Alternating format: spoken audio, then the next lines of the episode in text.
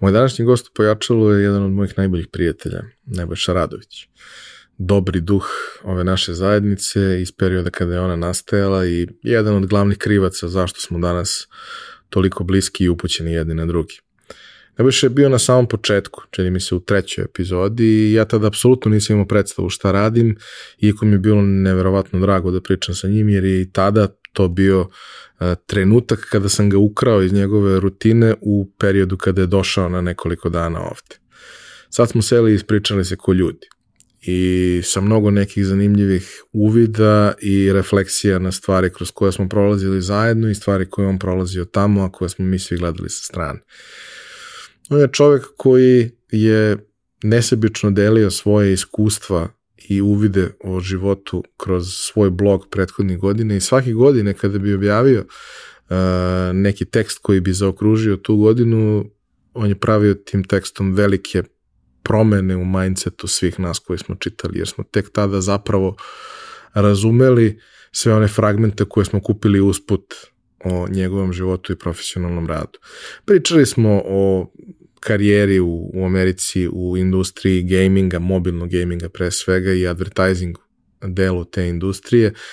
I to će biti zanimljivo svakome ko, ko razmišlja o razvoju nekog takvog proizvoda, ali mislim da je epizoda takva da svako treba da je posluša i pogleda zato što će naučiti mnogo toga o životu i naučit će kako jedan dečak iz Ivanjice koji uvek tražio neku scenu da iskaže sve ono što želi, dođe nekih 15 godina kasnije na veliku scenu i kako bude spreman da na velikoj sceni pokide. E, siguran sam da ćete uživati makar delić koliko sam ja uživao da se sa svojim prijateljem lepo ispričam o svemu onome što smo proživjeli. Realizaciju pojačalo podcasta podržali su Epson je vodeći svetski proizvođač projektora i štampača kako za kućnu, tako i za poslovnu i profesionalnu upotrebu. EcoTank tehnologija donosi značajne uštede za korisnike u superioran kvalitet otiska, a količina otpada smanjuje se za preko 90%. Za više informacije o aktualnim modelima i promocijama posetite epson.rs ili zapratite Epson Srbija na Instagramu. Naš partner je Orion Telekom kompanija koja nudi jako veliki broj usluga iz domena informacijne bezbednosti, zaštite podataka i IT održavanja. Jednom rečju, Orion Telekom je sistem integrator i ukoliko tražite partnera za domen kibernetičke bezbednosti, oni su prava adresa za vas. Ukoliko niste svesni trenutnog nivoa ranjivosti vaše kompanije, ne znate kako da zaštitite infrastrukturu i podatke, kao i kako da otkrijete potencijalne pretnje, vreme je da uradite nešto po tom pitanju. Stručni tim Orion Telekoma vam je na raspolaganju za sva pitanja i informacije i pišite im na biz.prodaja.oriontelekom.rs ili pozovite 011 41 00 007. Odnedavno sam postao urednik i autor na portalu naše mreže. U pitanju je portal za preduzetnike gde možete pronaći mnogo zanimljivih i korisnih informacija o svim pitanjima koje muče vlasnike biznisa u Srbiji. Među autorima možete videti mnogi od mojih gostiju iz prethodnih epizoda, pa topla preporuka da posetite naša mreža.rs. Za slučaj da želite da nas podržite vi individualno, uh, možete da posetite link u opisu podcasta na platformi Buy Me A Coffee i tu možete kupiti mesečnu pretplatu ili jednokratno donirati neki jednost koji želite. Hvala vam unapred na tom. Od kad si prvi put sedeo ovde, prošlo je skoro pet godina. E, ja tad nisam imao pojma kako se ovo radi a sad sam ponešto naučio i pohvatao otprilike kako to ide i znam otprilike šta hoću sve da vas pitam i šta da mi vi kažete i, i, i tako dalje. I mnogo mi je drago da smo se konačno organizovali, da kad si tu ovaj, malo duže da naletiš i da ispričamo ovo kako valja, pošto ono prošli put kad sam slušao, baš je čudno, nije loše, ali Profilna čudno. slika je izvukla stvar. Pa profilna slika je preljepa, ali, znaš, ovaj, ne izgleda kao razgovor među prijateljima, što bi na kraju dana ovo trebalo da bude. Pa da. E, Nebojša, dobrodošao. Hvala, super je, eto, posle pet godina dosta se stvari promenilo za pet godina, tako da mi je drago da sam tu. U trećoj možda 300. epizodi ili blizu 300. Um, pre par meseci si na konferenciji u Zrenjaninu došao i bio opening keynote i ispričao um, šta si sve nešto naučio u ovih deseta godina u Americi. Ovaj, to je bilo za sve nas koji te volimo i znamo i pratimo onako prilično otrežnjujuće i, i dosta lepo posložilo neke stvari koje smo mi onako fragmentarno pokupili, ali nismo razumeli zapravo ceo kontekst i sve to i mislim, ono, kad si otišao, to je bila jedna od tužnijih stvari koje su mi se do tog trenutka desile, ali kad sam vidio kako si sazreo tamo i postao čovek, I, I kakav se. si čovek postao da. i oženio se i, i dobio dete i sve to i ali pre svega kakav si čovek postao mnogo sam ponosan na tebe i, i, i sve što si za sebe uradio u ovih deseta godina, da si se malo nekako fokusirao. Ti si uvijek bio prskalica i mnogo je dobro kad imaš prskalicu u društvu, ali nije dobro za prskalicu. Nakon nekog vremena nije dobro za prskalicu. Pa jeste, ovaj, Mislim, dosta može da se priča o tome, ja mislim da sam isto vreme imao nevjerojatan vetar u leđa, da je cijela zajednica stala iza mene kad sam odlazio, što je stvarno super i ja sam beskonačno zahvalan. Ali recimo u nekih, mislim, i razlog što ja ni ne volim da radim podcaste više u Srbiji je što ljudi u principu ne znaju čime se ja bavim. ovaj, I postoji taj neki kontekst iz, od pre 10 godina kad sam otišao, to je, ne znam, News ili, ne znam, Željko Joksimović ili, ili neki prethodni nastupi na Eurovizijama.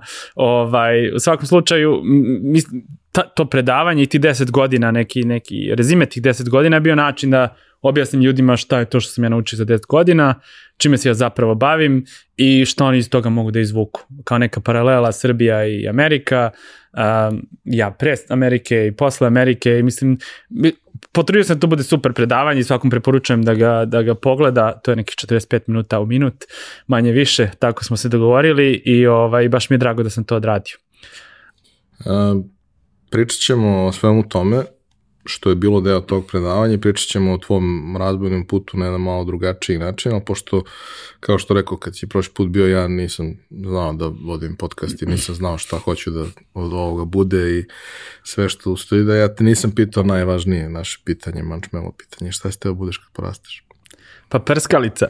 ovaj, Pa razmi, zapravo, zapravo sam, slu, pošto slušam podcast, jeli, ovaj, dosta često i onda skontao sam da nisi postavio to pitanje. Onda sam razmišljao o tom pitanju ovaj, i baš je teško odgovoriti zašto sam uvijek hteo da budem sve. Ovaj, mislim, ali, ali mislim da sam najduže me držalo da budem nuklearni fizičar u nekoj osnovnoj školi i onda sam imao neke knjige za decu kako postati nuklearni fizičar i onda sam bio opsednut fisijom i kako ću ja to sve da rešim.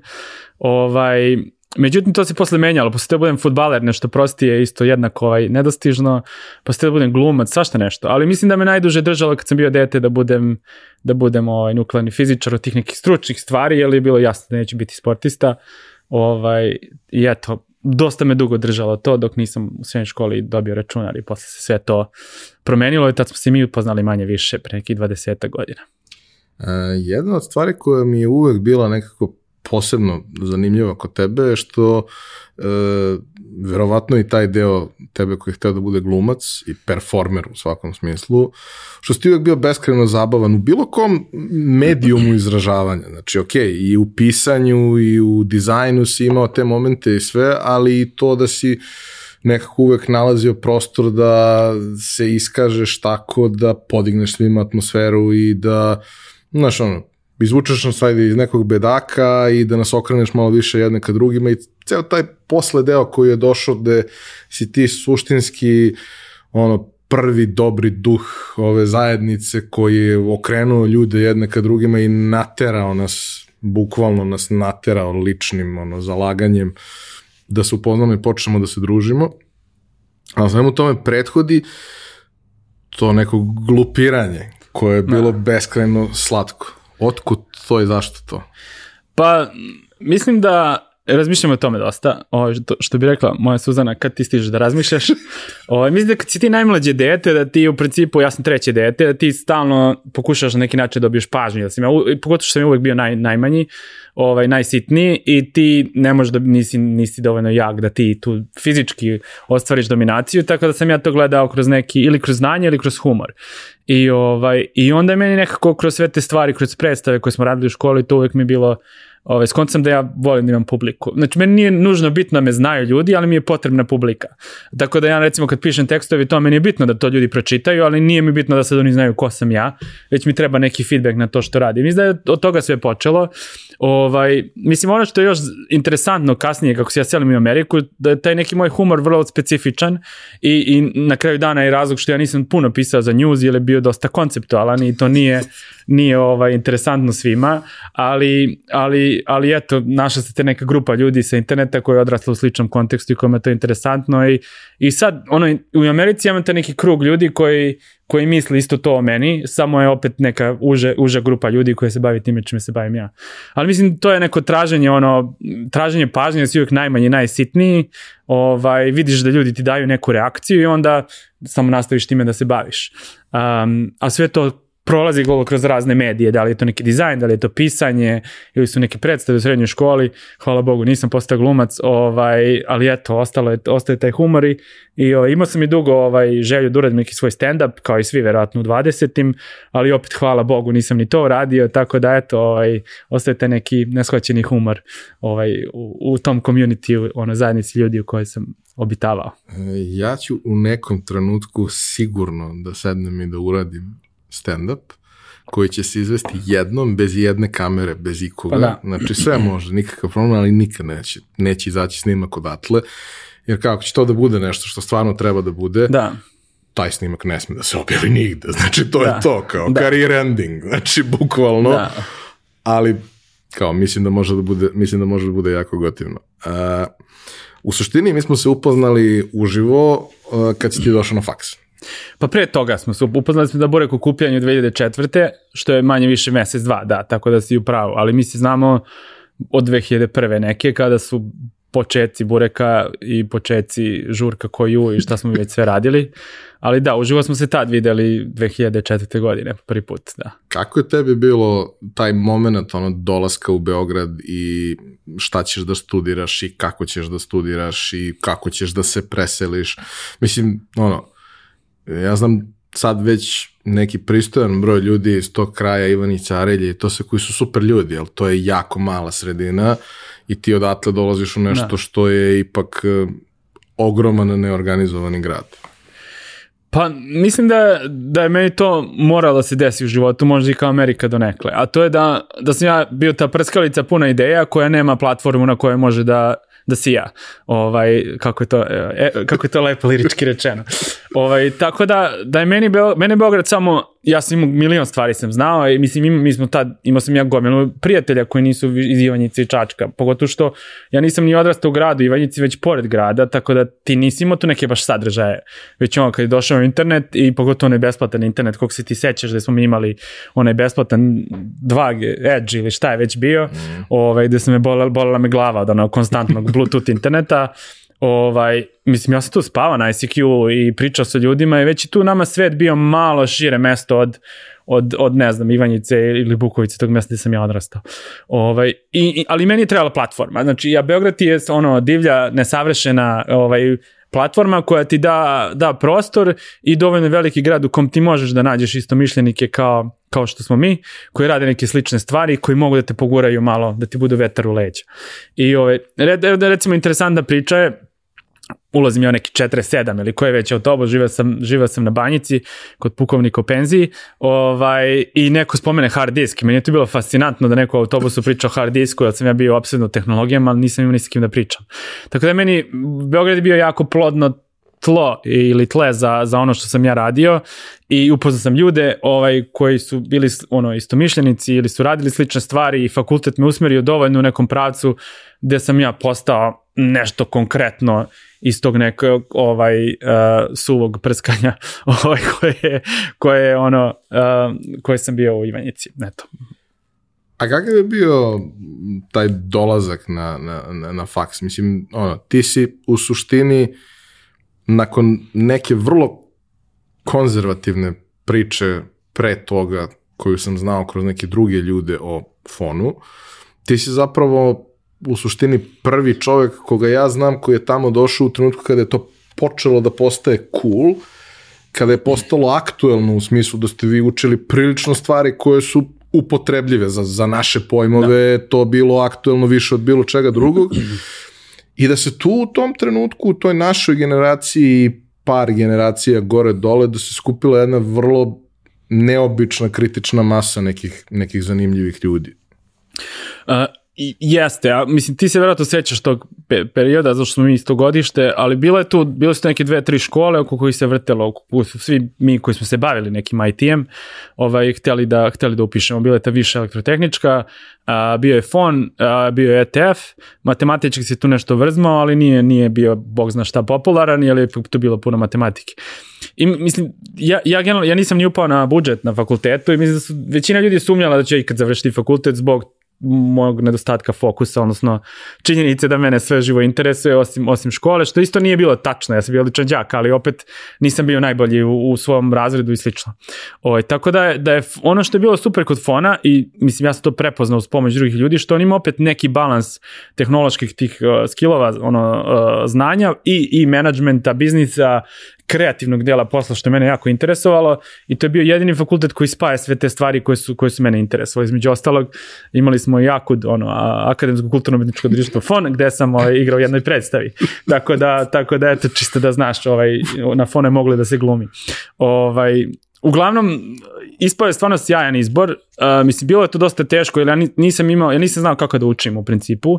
U osnovnoj i srednjoj školi ti dosta možda izvučeš na sirovi talent, na fakultetu moraš malo da greješ stolicu i to grejanje stoli, učenje kako da zagreješ stolicu je boga mi trajalo jednu, dve godine, a posle u trećoj četvrtoj su došli stručni predmeti, gde kao što si rekao, stručni predmeti imaš elektronsko poslovanje u trećem faksa, gde ono mislim ja sam bio asistent već u trećoj i četvrtoj godini recimo, zato što nisi imao toliko kadra da predaje blogove, internet, internet marketing i slično i, i meni je to dosta lako išlo taj, taj stručni deo, uh, jer opet bio je konkretan uh, i, i, i relativno ono blizak meni, a s druge strane ovi neki osnovni predmeti prve, druge godine to sam dosta vukao. Uh, I zamisli da sam otišao neki ETF ili matematički gde je to 80-90% gradiva, verovatno, verovatno ne bih ni završio fakultet, ali eto, fon, fon uh, hvala Bogu, upisao, upisao sam fon i, i završio i napravio neke sjajne prijateljstva, tako da dobar izbor ispod na kraju. E, baš smo skoro, pre neko večer smo u nekom društvu sedeli i pričali kako suštinski kad podvučeš crtu um, to što je fon postao tada i u kom smeru se, kažemo, razvijao tada, jeste negde najbliže tome što mi imamo ovde, a da bi se moglo nazvati poslovna škola. Da. Znači, nije baš, ali najbliže je tome što, što možeš da napraviš paralelu. Jer kao dobiješ ceo taj neki portfolio znanja i veština koje možda bi trebalo da dobiješ na ekonomskom, da. ali ih nemaš na ekonomskom. Na, na pravim tehničkim fakultetima je to nezamislivo da, da. uopšte bilo kakav biznis sens dobiješ u, u celoj toj priči. A posebno mislim da je interesantno i, i naravno ti si mi tu ovaj, otvorio oči i upoznao me uopšte sa celim tim svetom posle i, i, i druge generacije koje su došle. I ceo taj spektar van nastavnih aktivnosti koje su na, na fonu postojale što kroz međunarodne organizacije, što kroz tamo interne organizacije na neke specifične teme. Mislim, Fon je bio ozbiljan i u sportskim takmičenjima je uvek imao sjajne da, ekipe. Da, da. Znači, vrlo je bio taj bogat društveni život u okviru fakulteta, a da to nije bilo direktno vezano za, za predavanje. Kako si da. se u to uplao? Pa i, i, i I posle par godina bilo je jasno da je fon bio isto neki prirodni nastavak gimnazije, baš zbog toga što ti imaš dosta veliku širinu prve dve godine i onda ti možeš da studiraš, ne znam, operacijni menadžment, uh, upravljanje kvalitetom, klasičan menadžment ili IT. Ovaj, tako da si ti imao dosta opcija i, baš, i, i, i zbog toga ljudi koji su upisivali fond su bili neke svaštare koje je svašta nešto interesovalo, ali su bili dovoljno sposobni da pređu preko te barijere zvani prijemni ispit. Uh, ili manje sposobni kao ja. Ovaj, šalim se, mislim, moraš opet da upadneš na samo finansiranje, nije ni to bilo toliko lako. Ovaj, tako da se skupila neka kritična masa ljudi koje, koji su zapravo imali preduzetnički duh i radili svašta nešto. I odatle nastaje Kabeza u kojoj sam ja bio u početku, to je studentska organizacija koja je pravila razna putovanja i druženja. E, iz Kabeze nastaje Puzzle, e, mislim sad ima tih organizacija verovatno ko zna koliko. Ovaj, e, I to su nevjerovatni ono, katalizatori za, za male firme, za ono gde ljudi vide da mogu nešto da naprave svoje što je cool, što privlači pažnju, što možda im donesti neki novac, a to je u tim godinama jako bitno. Ovaj, I Fon je stvarno dao neverovatno puno tih nekih malih firmi i udruženja i, i, i, i, i profesionalaca. Um, ti verovatno aludiraš na ISEC, koji je u principu međunarodna organizacija, koja opet fon ima taj neki mix IT-a i menadžmenta koji je ovde dosta dosta bitan, jer ti imaš veliki broj tehnički, tehničkog talenta, ovo veliku količinu tehničkog talenta, tako da je potreban taj neki menadžment koji je dovoljno, razume dovoljno tehničku stranu posla i mislim da iz svega toga izašlo stvarno gomila opet uspešnih biznisa ljudi koji danas ono, su razlog zašto Fon ima dobru reputaciju ili je imao pre pet godina. Ovaj... E, imaš taj jedan moment koji se meni čini da je dosta bio važan u, u tom trenutku, to je da dobar deo tih ljudi koji su nešto napravili, napravili su da su imali potrebu da to postoji. Nisu ušli u to sa motivom koliko će tačno eura zaraditi da. od koga, nego daj da ga napravimo da. i da ne budemo u minusu, pa ćemo Tako da je. vidimo. I kroz to je nastalo svašta nešto interesantno kroz vreme. Pa da, da, mislim, Ćosa je bio zapravo kod tebe emisiji, mislim, moj pr... ja sam prvi put izašao iz zemlje sa 22 godine, uh, išao sam u Mađarsku kao vodič, ovaj, uh, zato što u principu, mislim, trebao je neko da bude vodič ljudima, I ovaj, mislim, ja naravno ne znam ništa o Mađarskoj, ali nama je bila poenta da mi putujemo, da ne platimo. Znači, nije bila poenta nijednog trenutka profit. O, već kao, družimo se, super je, upoznaćemo neke druge ljude i otići ćemo u Mađarsku. I ovaj, Uh, I to je stvarno super prošlo, ljudi su bili oduševljeni jer je to toliko random da svima bude super. Ovaj, pritom smo spavali u koncentracijnom logoru na, br na vrhu brda u Pešti, ovaj, bivšem koncentracijnom logoru ili zatvoru, ne znam nija šta je, ali znaš ti kad imaš 22, 3 godine ili 21 godinu, dve, tebi to nebitno, tebi samo bitno da, da se nešto dešava i pritom ono, mislim da su i finansijski uslovi danas drugačiji nego kad smo mi bili studenti u smislu da kao ima se malo više para i svet se malo otvorio, ne moraš da vadiš vizu za Mađarsku i to. Ovaj, tako da su to neke stvarno neverovatne stvari, pa onda skijanja posle toga, raftinzi i svašta nešto što smo mi organizovali, niko tu nije neke pare, ono, bog zna kakve napravio u tim godinama, ali si napravio neki, ono, nevratan, skupio neku nevratnu grupu ljudi, odlična energija, opet zezanje, druženje, ovaj, i nevratne priče, ovaj, kao, na primjer, na, vodič koji nikad nije bio u tom mestu gde vas vodi. I to se stvarno desilo, nije news, hashtag. Uh, jedna od tih stvari da. jeste to uh, izlaganje i drugim kulturama i drugim ljudima. Na kraju će se ispostaviti da je ono, u tvojoj karijeri to veoma važno što ti možeš da funkcionišeš sa, sa najrazličitim ljudima, ali kao nekom ko je iz prilično konzervativne sredine, iz veoma konzervativne zemlje, je sve to jako strano i u suštini ti se kroz i kroz ISEC i kroz te aktivnosti sve ono što dolazi tu kroz neke razmene, makar i virtuelne, da. sa tim ljudima ti se prvi put upoznaješ sa, sa, sa tim nekim drugačijim ljudima, drugačijim kulturama i svim ostalim stvarima.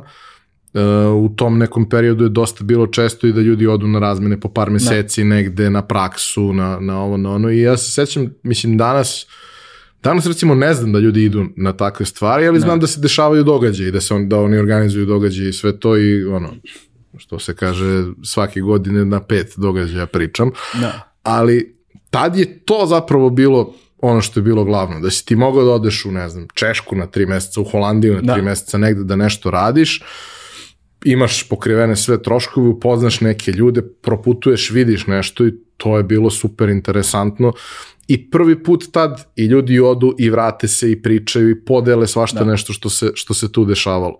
E, kako se tebi kroz taj period, da kažem, fakulteta i stasavanja kristalisalo šta ti uopšte hoćeš da radiš, pošto si ti i tad radio hiljadu stvari. Da, pa nije mi se kristalisao.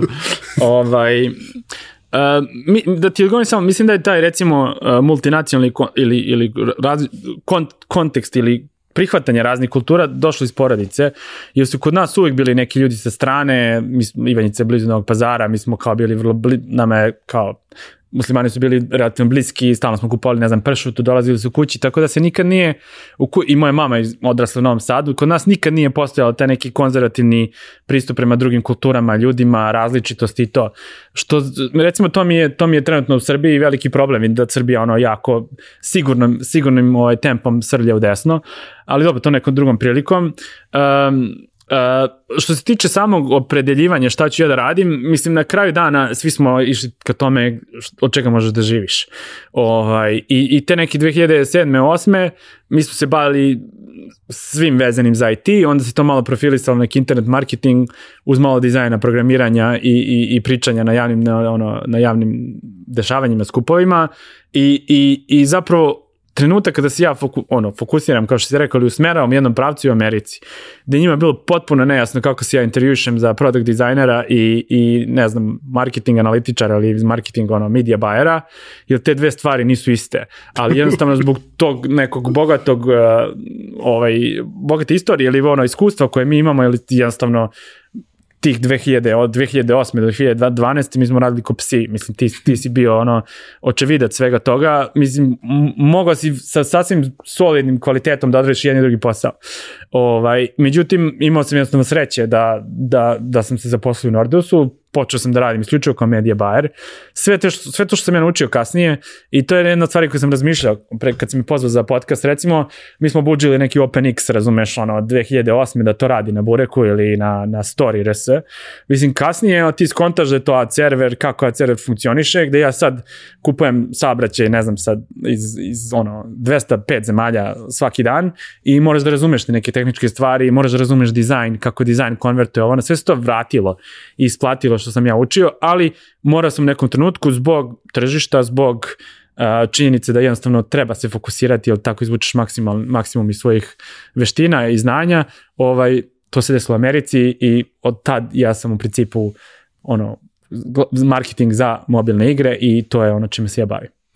Ti si u Ameriku otišao da studiraš. Da. Kao ono, čovek koji već ima izgrađenu poziciju, reputaciju ovde, koga poslovi jure, od kojih on beži i sve što pa da. uz to ide.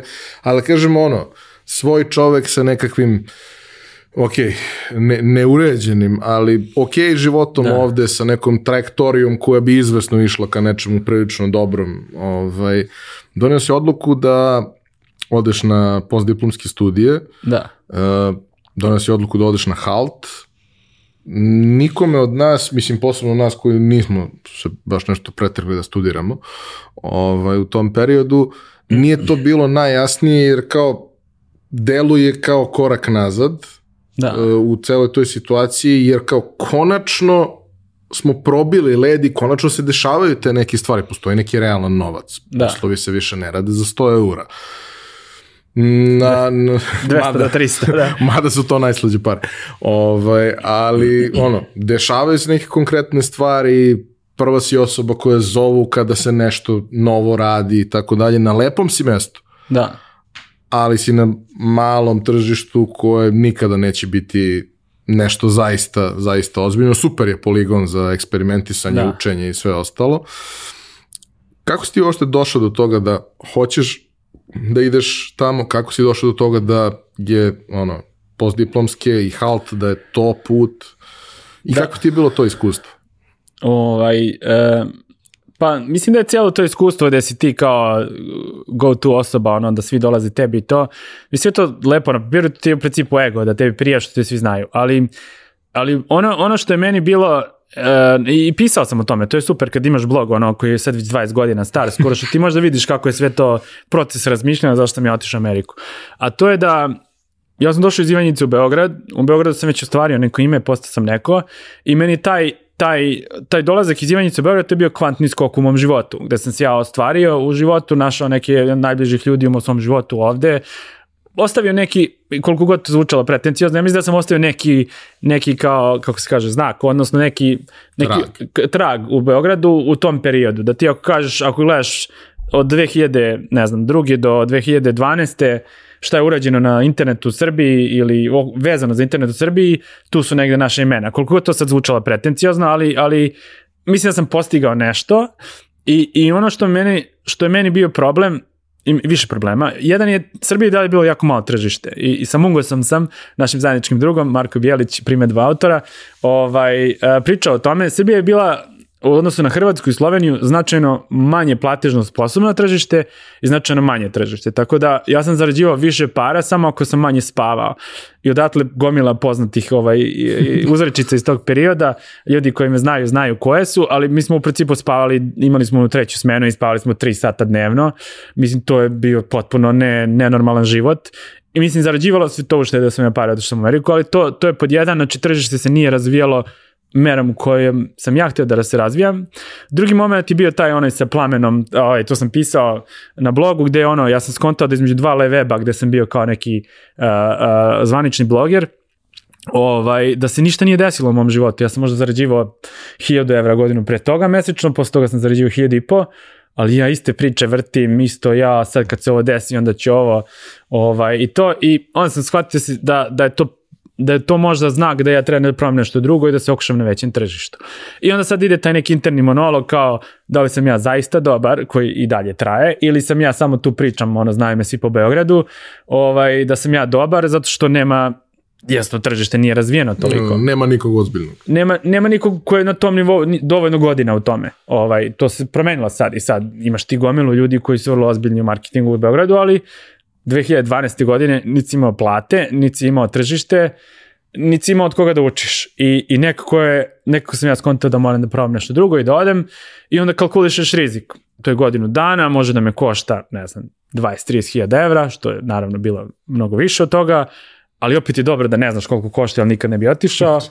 ovaj, Halt se tu Halt, ja sam predstavljao Halt u Srbiji, na, išao sam na onaj njihov Halt Case Challenge, gde je fond pobedio, onda su se oni ponudili da mi daje neke bolje uslove i nekako se milion stvari poklopilo, nerealne priče sa ono traženjem novca da ja dokažem da imam taj novac na računu i poklopilo se nekako sve, ja sam dobio vizu i otišao sam u Ameriku i, i mislim tek sam onda shvatio šta sam ja uradio, da sam ja potpuno resetovao svoj život od nule, ali, ali to nije loše, znaš, zato što ti kad imaš 27 godina koliko sam imao tad i kao svi te znaju i i ovaj i radiš svakakve neke projekte, imaš reputaciju, ti vrlo lako poletiš. Mislim svi mi i dalje lako poletimo, ali tad sa 27 godina da si ti dalje u punom naletu energije i to, vrlo sam lako ja mogao da skrenem u to da se bavim isključivo estradom i da imam svoj IDJ videos, ali sam mislio da je to nije jednostavno putanja za mene, da ja mogu da uredim nešto malo veće u smislu da ima malo veći globalni uticaj ili, ili da jednostavno bude interesantnije, što je meni isto bitno. Ne, na kraju ne, no, ne meriš sve u parama u životu, već i kroz neke priče, ljude koje upoznaš i to. Tako da eto, tako se desio Halt. Što se tiče samog iskustva Halta, ja sam otišao stariji nego što ljudi idu na master. U, u inostranstvu ljudi odu na master sa 21, 2, 3 godine. Ja sam imao 27 i bio sam pun energije i želje za dokazivanjem u školi gde idu deca. I to je, to je često ovaj, nije deca, ali ljudi koji, su, ono, ljudi koji su mlađi od mene i to je često izazivalo neke interesantne situacije gde ja objašnjam profesoru marketing analitike kako on nije u pravu i, i zašto nije u pravu i on bude fazon, aj dečko iz kulera, imaš 95 poena u redu, razumeš, ali jednostavno cijel taj pritisak besparice, odlaska na drugo tržište, niko te ne zna, niko neće te zaposli, ovaj, je u meni ono, ono razvio određenu dozu očaja, ali sam ja hteo da pokažem da sam ja dobar, ali nisam mogao baš, nisam znao kako, jer je jednostavno novo tržište i ja sve učim od nule.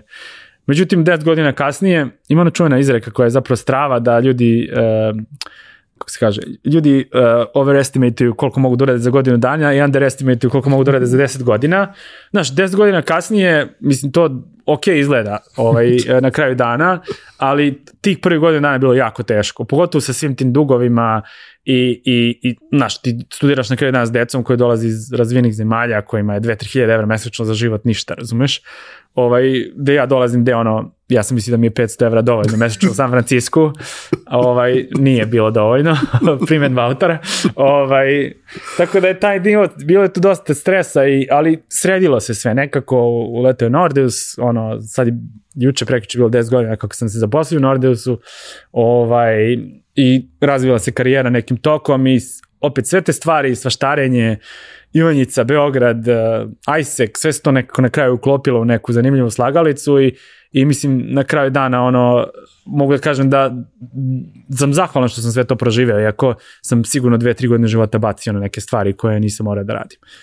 E, jedna od stvari koja je meni uvijek bila posebno ono, draga sa tobom kad, kad radimo na nečemu je što si ti umeo da neke stvari formulišeš na veoma interesantan način. Bilo da je u pitanju verbalno pisano ili da nekim dizajnom ispričaš neku priču, ali to ti je bila jedan od velikih kvaliteta, što si umeo da napraviš tu, tu taj bridge između da. ovaj, ljudi kad se tako nešto priča i kad se o, o, na nekom projektu radi i da pokupiš razne utice sa raznih strana i da to kanališeš u jednu, jednu da. jako dobru poruku. I sad, to je sve super.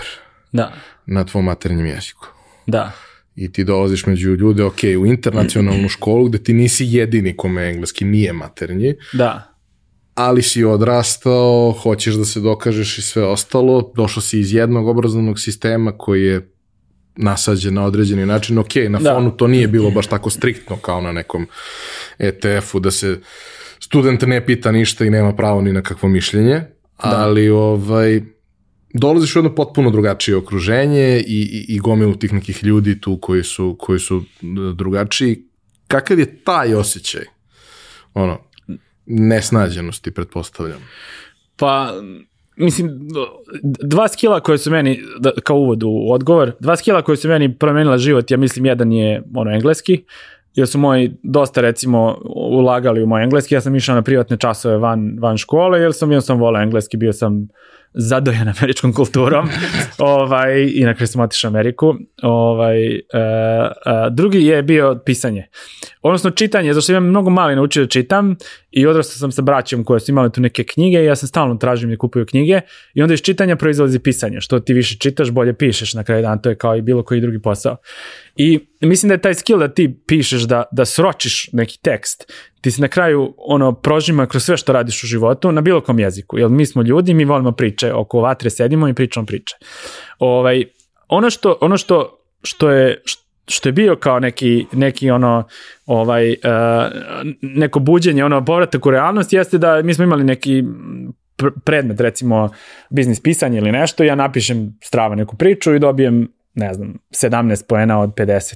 Zato što, sam, zato što u principu ne znam da pišem na engleskom. I, i naš engleski u Srbiji je bio verbalno ok, da nas ljudi razumeju, čak i, čak i jako dobar ovaj, ne, nekima od nas, a, međutim pisanje je bilo dosta tanko. I onda, I onda u principu kao i sa svim u životu kreće obsesija, da ja ne znam, krećem da čitam Elements of Style, krećem da čitam više na engleskom, da bi ja skapirao kako, kako pisati na engleskom, i meni fond reči nije problem, nije mi problem ni vremena, ni ništa, već je problem, problem u principu što ja ne znam njihovu formu. Da, pišeš mehanički. Pišeš mehanički, da. I ovaj, ti kad uđeš u neki fazon, uh, kako oni pišu, onda, onda na kraju se sve svodi isto na tu priču na koju ti hoćeš da kaže. Jezik ti je nebitan, jezik ti je forma, a jezik ti je forma, a suština ti je zapravo ista na svakom jeziku i onda, onda ja posle par godina kontam da ja mogu da pišem i na engleskom i sad ne znam, engl, tekstovi na engleskom imaju mnogo više, mnogo više pregleda nego tekstovi na srpskom iz razloga što je kao forma ispoštovana, to je neka forma. Amerikanci mnogo više vole recimo da imaju taj neki, oni to zovu common thread, da imaš nešto što ti povezuje sve segmente teksta i da to nekako sve lepo zaokruženo, imaš neki isto uh, framework, često ga spominjem, challenge action result, ovo je bio problem, ovo sam uradio i ovo je rezultat. U srpskom je to dosta malo onako haotično kao i sve, kao i saobraćaj. Ovaj, mi smo naviknuti na slobodniju formu, hajde tako da kažemo. I ti kad uđeš u taj neki fazon formu, kad znaš neku industrijsku terminologiju koja je interesantna određenoj grupi ljudi, ti možeš jako dobro da pišeš. Ovaj, I ono što je jako bitno kod pisanja na stranom jeziku i pričanja stranog jezika jeste da kao i sa srpskim jezikom 80% ljudi ne zna taj jezik dovoljno dobro na nivou da, da može da piše knjige. Ovaj, I onda to znači da publika ti neće zameriti ako ti pogrešiš jedan predlog ili, ili ne znam, ako ne napišeš jednu reč lepo. Tako da mislim da kad sam se ja oslobodio da pišem na engleskom, to ima neverovatan uticaj na sve. Jer je jako bitno da ti znaš da pričaš priče kad prezentuješ nešto menadžmentu, kad prezentuješ nešto timu, kad pišeš nešto da promovišeš svoj rad, svoj ovaj, rezultate i slično. I to ti uvek treba. Znači storytelling je ono krucijalna u principu veština ako želiš da uspeš na bilo kom tržištu iz razloga što ljudima trebaju priče, a stvari koje su specifične, kojima se mi bavimo, ne mogu da se objasne samo tim jezikom, već moraš da imaš jezik koji je, koji je blizak publici. I to je, to je ono svakom bi, svakom bi preporučio da, da piše samo zbog toga, da ti se misli malo bolje ovaj, razjasne i može da... Strukturiraš misle, Tako je. znaš, imaš i taj da. moment da prosto kada si na, na izvoru i informacija i podataka i nekakvih uvida, e, te, prvo te stvari nisu iste, Da. Ovaj, da jedno pretvoriš u drugo, a Da. drugo u treće je proces, a onda kada sve to obuhvatiš nečim što dovoljno drži pažnju i kao skreće pažnju na to zašto je nešto specifično važno, Da. mnogo su lakše šanse, mnogo su veće šanse ili da, da, da i ti dobiješ priliku da to radiš, ako uradiš da napreduješ, Da. da, kada napreduješ isprezentuješ kakav to zaista je imalo impact, ne samo šta je statistika rekla, šta, su, šta Excel kaže, koji su rezultati, koliko god to bilo važno. Da. Ako imaš uz to mogućnost da, da predstaviš i ostalo, to naravno, naravno se mnogo dalje čuje. A, kako bi zaokružio svoje halt iskustvo? Ba, halt, mm, halt je u, moj, u mojoj karijeri služio za dve stvari. Jedna je ono podizanje engleskog jezika na nivo gde ja mogu da funkcionišem na, na američkom tržištu. To, to je jako puno vredi. A drugo je ubacivanje u internacionalno okruženje gde ti studiraš sa ljudima iz 105 zemalja i radiš sa nekim ljudima iz recimo 35, 40 I većina ljudi nema to iskustvo. Mislim, ti u Srbiji nemaš pravu internacionalnu školu, međunarodnu. Mislim, većina Amerikanaca ne ide u pravu međunarodnu školu, gde sad, ne znam, moj tim je sad Izrael, London, Barcelona, Indija, a, imaš ljude u Kini sa kojima radiš. Mislim, dosta su, ra- dosta su velike kulturološke razlike i navigiranje tih razlika po prvi put, kad ti prvi put susrećeš sa ljudima, je dosta teško. Ti ne, na, naprosto ne razumeš da postoji razlika u komunikaciji između, kad pričaš sa Amerikancom, tebi je sve, ti pričaš normalno, oni pričaju normalno, ali zapravo vi ne govorite iste stvari. Ovaj, i, i, I to ti da škola, Uh, I mislim, iako u prve dve, tri godine meni je izgledalo kao da je to bilo, nije bilo bačeno vreme, ali bilo je jako skupo. Ovaj, mislim, ja, ja, ja nisam imao pare da, za, da završim tu školu, nekako sam ovaj, uh, izvukao sve to kao i svaki veliki projekat da uradiš, ono, štap i kanap i to se nekako desi i onda ti pogledaš iza sebe i kao to je okej. Ovaj, ali, ali znaš, bilo je dosta tog gorčenja na kraju, sam ja kao, da li ovo stvarno vredi te pare? Međutim, opet, kao ono opening što sam ti rekao, sve te neke male stvari koje ti tu pokupiš ovde one, a kao rad sa indicima, pa oni neće da baš da kažu ne ili ovo ili ono, onda ti, ono, jednostavno mnogo bolje plivaš u tim vodama i to ti je to ti je to neko ono, oni zovu kao iskustveno učenje, experiential learning, što ste stavili ono u vatru sa svim tim ljudima, da ti naučiš kako da izvučeš od svakog od njih nešto, oni od mene i onda ti malo bolje funkcionišeš u globalnom okruženju. I to vredi puno. Ovaj, zato su te škole toliko popularne i skupe. E, taj moment rada e, sa Nordeusom, u Nordeusu, na njihovom tada jedinom proizvodu Top 11 u, u, u Americi je onako dosta čudna postavka stvari, jer ti si dobio zadatak da se baviš proizvodom koji je super uspešan, super popularan, samo u pogrešnom delu sveta, gde u principu to baš i nije nešto što je ljudima u top 10 sportova o kojima razmišljaju. Naravno, postoji gomila internacionalne tu ekipe, postoji da kažem i, i Latinska Amerika i Evropljani koji to sve vole, ali to je mnogo manji deo populacije i generalno ono, tek možda posljednjih par godina sa ovim velikim zvezdama koje su došle u MLS, da se malo više priča o futbolu. A, kakav je bio vaš dogovor, šta su bili neki ciljevi i šta je tebi omogućilo to što si imao jednu konkretnu stvar sa kojom radiš nešto konkretno na američkom tržištu? E, pa dogovor je bio u principu, on, oni su imali američki ofis i dogovor je bio da ja radim iz Amerike, ali da budem tu recimo 4 do 6 meseci godišnje. Um, i, I mislim, svi ti problemi, uh, mislim, imaš dva izazova, ne bih rekao problema, ovaj, top 11 u Americi, a to jedan je, jedan je kao što si rekao, futbal nije top 4 sport u Americi, manje je zastupljen, manje je popularan, a drugi je da, da, da su te uh, f, uh, simulacije futbol ono futbol ono trenera odnosno futbol management igre njima nisu poznate. Oni se oni se prim, primarno kada rade neki kada se igraju neki igraju neki sličan tip igara to su fantasy igre.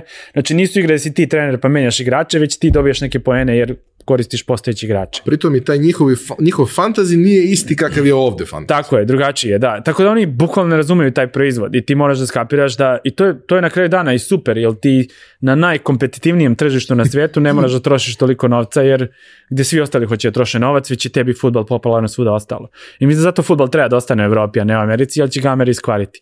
Plus ćeš morati da gledaš futbol noću. Ovaj, Uh, tako, da, tako da nije, ja nisam baš uspeo, on, neke stvari kao što si lepo primetio, znači Hispan, ono, Hispanic ono, publika, znači ljudi iz Latinske Amerike koji se preseli Americi, iz, iz Amerike prva i druga, u Ameriku iz prva i druga generacija, njima je futbal interesantan, uh, ljudi sa strane koji su došli futbal im interesantan, ali to nisu dovoljno velike publike da ti možda napraviš neku Super Bowl kampanju oko toga i da ti se vrati, da ti se vrati novac. I obično nisu najplatežnije publike. Tako je, tako je, što je isto problem. Ja se takmiču sa svima ostalima, a tvoja publika manje troši. O, i, I onda je moja uloga vremenom evoluirala u nešto što je bilo kao klasičan uh, marketing za mobilne igre, plus neki kao business development u smislu da sam ja bio na američkom tržištu i osluškivao šta drugi rade, čime se bave i to. Tako da, ali opet bilo jako izolovano, ja sam bio sam. Na kraju je to razlog zašto sam ja otišao iz Nordu, sam bio sam u Americi, mogao sam da se preselim ovde ili da ostanem tamo, a opet nekako osjećao sam da nisam završio ovaj svoj ono svoje poglavlje američko. Je bilo tek dve, tri godine kako sam bio tamo i na kraju sam otišao Machine Zone. Ali generalno imalo je tu, jasno nisam sa mojim skillovima, ja nisam mogao njima puno da pomognem ovaj, iz Amerike i, i jasno bilo je to sve teže i teže kako je vreme prolazilo, ja sam sve više i više provodio vremena u Srbiji i fokusirao se neke standardne kao mobil, stvari vezane za mobilni marketing, a ne za to što je kao američko tržište trebalo da donese. Mislim, bilo je tu nekih super cool projekata, ali to nije ono čime si ti planirao da se baviš. No. Da. Ali to je bio prvi put u suštini da ti kao ono, što kaže, legitimni predstavnik industrije si tu i počneš da se pojavljuješ i na skupovima, konferencijama, da upoznaješ ljude, da networkuješ, da učiš kako se šta radi, kako ko šta radi i kako je to izgledalo, zato što kao znaš, mislim, danas ono što ti radiš i šta si radio kroz, kroz prethodnih par godina, to u tom trenutku je nezamislivo ovde i niko ne zna ništa o tome. A tamo postoji čitava industrija koja se bavi, ne znam, optimizacijom ono, aplikacija za, za storove. Da. Kao, kako, ko, šta, gde, kako, zašto, oglašavanje, kupovina trafika sa sto različitih mesta. Kako si ti uopšte, ono, kako, kako izgleda ulazak u to? Ono, događaj, ljudi. Da. Uh, pa meni je mobile bio fokus već 2012. Mi smo imali, Željko Joksimović ima aplikaciju koja, tada ja sam je pravio, ovaj, u, zaboravim se kako se zove. Šautem. Šautemu, tako je. Ovaj, uh, shout out za Željka. Ovaj, uh, I onda kad sam otišao u Ameriku, počeo sam da igram Supercellove igre meni je bilo jasno, to je to, ništa više. I Supercell je tad imao ogromne budžete, o tome se pričalo i ja sam pokušao da nađem posao u mobilnom gamingu, odnosno da se bavim mobilnim oglašavanjem. Ovaj, uh, I mislim, kako sam dobio posao u Nordeusu, meni je opet Nordeus bio platforma gde ja mogu se pojaviti nekim dešavanjima, da upoznam neke ljude i, i mislim, ta vibe, odnosno osjećaj koji si imao tad je kao recimo um, mi kad smo krenuli da se skupljamo 2005. 6. Gde ti je to industrija koja ono, ima tu nekih para, vrti se, ali, ali realno tu nas 20-30 koji to rade, nešto na nekom nivou. I tih 20-30 ljudi se i dalje druži. Mi smo sad tu ono, dosta ono seniori u smislu ovaj po iskustvu i to, ali skupila se ta neka kritična masa ljudi koji se bavi mobilnim marketingom i u mobilnom gamingu, odnosno industriji mobilnih igara. Ovaj i i i onda smo krenuli da razmenjujemo, da razmenjujemo znanja, da idemo na iste konferencije, postoji to nekoliko Slack community-a gde ljudi razmenjuju opet uh, uh, savete, pomažu jedni drugima da se zaposle, da, da zaposle ljude i slično. Ove, ovaj, i, i, I opet, zajedno smo rasli.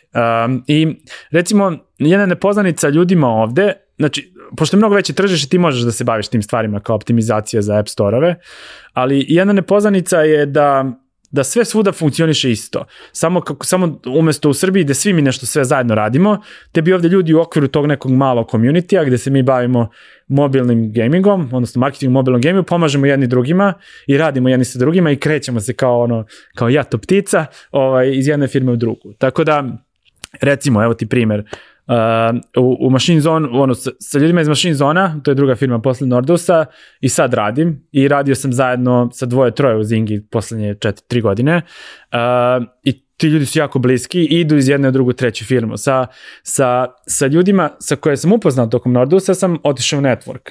To su, ne znam, Eric Dan, nije bitno, ovaj, neki ljudi ih znaju. Oni su mene pozvali jer su me znali iz community-a, uh, i znali su da sam u machine zonu, znači ok sam verovatno u tome što radim, ali su znali opet da ja tu delim svašta nešto, da sam dobar momak i, i tako sam dobio posao da vodim tim u, u, u, u networku. Ovaj, tako da ljudi apsolutno ono, pričaju jedni s drugima, preporučuju jedni druge, samo funkcionišu u toj nekom malom, manjem krugu gde jedni veruju, svi verujemo jedni drugima i pomažemo da opet mi napredujemo ovaj, u karijeri i, i da budemo što relevantniji u tom poslu.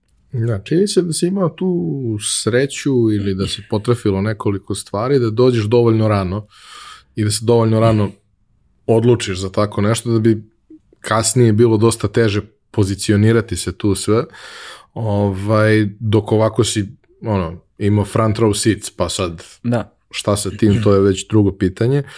E sad, uh, pričali smo i, i prošli put, ali ajde da se, da se vratimo na to, mislim da je interesantno. Uh, u tom nekom periodu, 10. 12. 13. 14. dešava se jedna jako ozbiljna stvar, to je da gaming kao industrija doživljava transformaciju kakvu nikad nije imao pre toga. Odnosno da to nešto što je funkcionisalo po principu AAA igra košta beskonačno, ti prodaješ nekakve CD-ove i možda posle neke expansion packove i nešto, ali to ti u principu to, ono, prodaš skupo i to je manje više sve što ima. Uh, da se fokus uh, i, i, i pažnja ljudi zbog toga što je hardware postao dovoljno dobar i moćan, da ti stvarno možeš se igraš po ceo dan na tome da ti bude zanimljivo. A sa druge strane da developerski neuporedivo je lakše napraviti mobilnu igru nego AAA igru. Ima, ima drugi set zahteva i problema, ali kao znaš, jednostavno sve je to mnogo prostije, a tu postoji neki realan novac, postoji neke milioni iga, igrača, da se onda razvije jedan jeli, potpuno paralelni uh, biznis moment koji je za mobilne igre potpuno drugačiji u odnosu na bilo šta što je bilo pre tog. I da je prvo počelo sa ono premium igrama, naravno, koje si kupovao, pa da je onda počelo sa uh, app in purchasima, pa da je onda počelo sa besplatnim igrama gde ti doplaćuješ da nemaš oglase i sve ostalo, ali svašta nešto se tu izdešavalo i ta priča je prilično volatilna poslednjih deset godina. Uh, ti si sve vreme u tome, volao bih da mi, da mi napraviš nekakav uh, presek nekih ključnih tačaka i kako se, kako se šta menjalo, kako si ti to video sa ono, iz prvog reda. Pa, interesantno, stvarno jeste prvi red, ovaj, a objasnit ću ti zašto. Um, mislim, Nordeus je recimo bio prva kompanija koja je bila, ili jedna od prvih kompanija, odnosno to je jedna od prvih igara koja je bila ono, cross platform i stvarno je to radilo i na, i na Facebooku i, i na mobilnima i bilo je seamless, možeš koristiš jedan nalog gde god hoćeš i I to je bila revolucija. Mislim, razlog što je Nordic tako uspešan jeste što je bio manje više prvi tu, napravili su odličnu igru, ljudi su prešli na mobilne, svi živi kupuju mobilne telefo, pametne telefone, dešava se neverovatan rast mobilne, ono, kad je u pitanju industrija mobilnih telefona i onda ti imaš ono tržište koje non stop raste. Ovaj, I pojavljuje se, mislim, jeste počelo to sa premium igrama, um, odnosno kopiranje model sa, sa ovih kao konzolnih igara koje koštaju to što ti kažeš oni sad 70 dolara ili evra, znači nisu toliko jeftine, međutim to nije radilo posao, pa su probali nešto igre za dolar dva, međutim onda se pojavljuje pojavljaju se mikrotransakcije gde ti možeš da, gde ti možeš u principu da daš nekom igru besplatno, ovaj, i da kasnije naplatiš za to što ta osoba igra 2, 3, 5, 10 sati. I objasnit ću sad zašto je ovo jako bitno. Um, bitno je zbog toga što ti kad daješ neki proizvod besplatno, ti u principu počinješ da dobiješ podatke o tom korisniku pre nego što je korisnik bilo šta uradi u igri ili plati. I ti u principu to trenje između korišćenja proizvoda, odnosno aktivnog korišćenja proizvoda i i, i, i marketingške kampanje se smanjuje. Gde ti, ne znam, ako treba prodaš, lupam ovaj mikrofon, uh, ti ne znaš baš šta se dešava između kupovine, ono, reklame i, i kupovine mikrofona, ti ovaj možeš sve da ispratiš od nule do, do jedan, uh, da li neko video reklamu, da li je kliknuo, da li je skinuo igru, ako je skinuo igru, da li je igrao tu igru, ako je igrao tu igru, koliko je igrao igru, iako je potrošio novca, koliko je novca potrošio. I onda ti se, onda se pot, potpunosti menja model da ti imaš takozvani end-to-end, odnosno vidljivost u to šta se dešava sa svakom kampanjom, odnosno koliko ti novca svaki korisnik donese u igri, a imaš mnogo više korisnika ili je proizvod besplatan. Znači, nemaš 100.000 ovaj, ovaj, korisnika ovog mikrofona, već imaš 100 miliona ljudi koji su skinuli top 11, recimo. I to ti je prva revolucija. Druga revolucija je takozvani live ops, gde ti vidiš otprilike, ljudi igraju igru tri meseca i onda prestanu da igraju, igraju, takozvano črnuju, odnosno odu iz igre, ali ti se live ops ti u principu um, uh, funkcija koja ti daje sadržaj u samoj igri da bi ljudima bilo zanimljivo, odnosno igračima bilo zanimljivo, da ti vidiš da to kroz te neke live ops ovaj, uh, dešavanja u samoj igri možda produžiš taj životni ciklus igrača sa 3 meseca na 5 godina i automatski i sam lifetime value, odnosno koliko ti taj igrač potroši u igri u, to, u svom životnom ciklusu, značajno poraste. I to ti menja onda matematiku iz razloga što ti možeš više da platiš za korisnika i ti možeš već na toj impresiji manje više da kažeš e, za ovog korisnika mogu da platim 10 dolara zato što će on biti u igri dve godine, a ne, ne ono... I neće mi se isplatiti prvih godinu, Tako. ali u drugih godinu će mi se isplatiti. I to je potpuna revolucija, jer ti što god da prodaješ, ti imaš jedan ili nula. Ili je neko kupio ili nije kupio, Uh, ali ti ne znaš baš svi koraci između, a drugo kako ti je besplatan proizvod, i to posle cijela SaaS industrija manje više koristi isti freemium model, kako ti je besplatan proizvod, imaš mnogo više korisnika i mnogo više načina da ih konvertuješ kroz oglase, kroz mikrotransakcije isto. E sad, razlog ovaj, zašto, zašto uh, ono, sam u principu bio u prvom redu, što kaže jeste što je manje više prva firma koja je uvela mikrotransakcije na zapadu igre, jeste, jeste Engimoko, koja je u principu firma uh, foundera networka gde sam ja radio. Oni su manje više prvi uveli, uveli mikrotransakcije, a prva firma koja je, koja je doživjela ono potpuno eksploziju ono, o, o, o, kad su pitanju revenue od mikrotransakcije, odnosno prihod, jeste Machine Zone, gde Machine Zone ima prvu i drugu igru i pravi, ne znam, 2 i 3 milijarde dolara godišnje od, od mikrotransakcija, baš iz razloga što su oni razumeli, oni su prvi skapirali live ops, kako da kako da ono, at, makar na zapadu, kako da ono at scale vodiš ono, da imaš konstantno nove sadržaje igre da bi ljudi trošili ovaj, i onda su napravili tri igre koje su u principu svaka od njih je napravila verovatno preko 500 miliona jer su umeli da izvuku, a, bukvalno izvuku zato što su na kraju propali zbog toga novac od, od igrača. Um, I to je, to je opet revolucija, zato što je potpuno drugačiji način na koji radiš marketing, nemaš fiksnu cenu, nemaš fiksni, nemaš fiksni uh, lifetime value, odnosno, odnosno vrednost korisnika, već je sve dinamično i onda nastaje potpuna žurka, u smislu imaš različite kanale, različite zemlje, različite kreative, s druge strane imaš različite tipove igrača i ti sad sve to treba da uvežeš i da, i da napraviš neki biznis koji je mali u biznis koji pravi stotine miliona dolara baš zbog toga što je besplatno i što imaš mnogo više podataka nego tvoja konkurencija. Jesam te izgubio sam. Nisam je izgubio. E, da. Neću da ulazimo sad u hardcore priču o tome, zato što prosto ono, bitno mi je da, da overview imamo, da ljudi imaju temu da. za razmišljanje, koga zanima oglašavanje će kopati više o tome, ali, mm.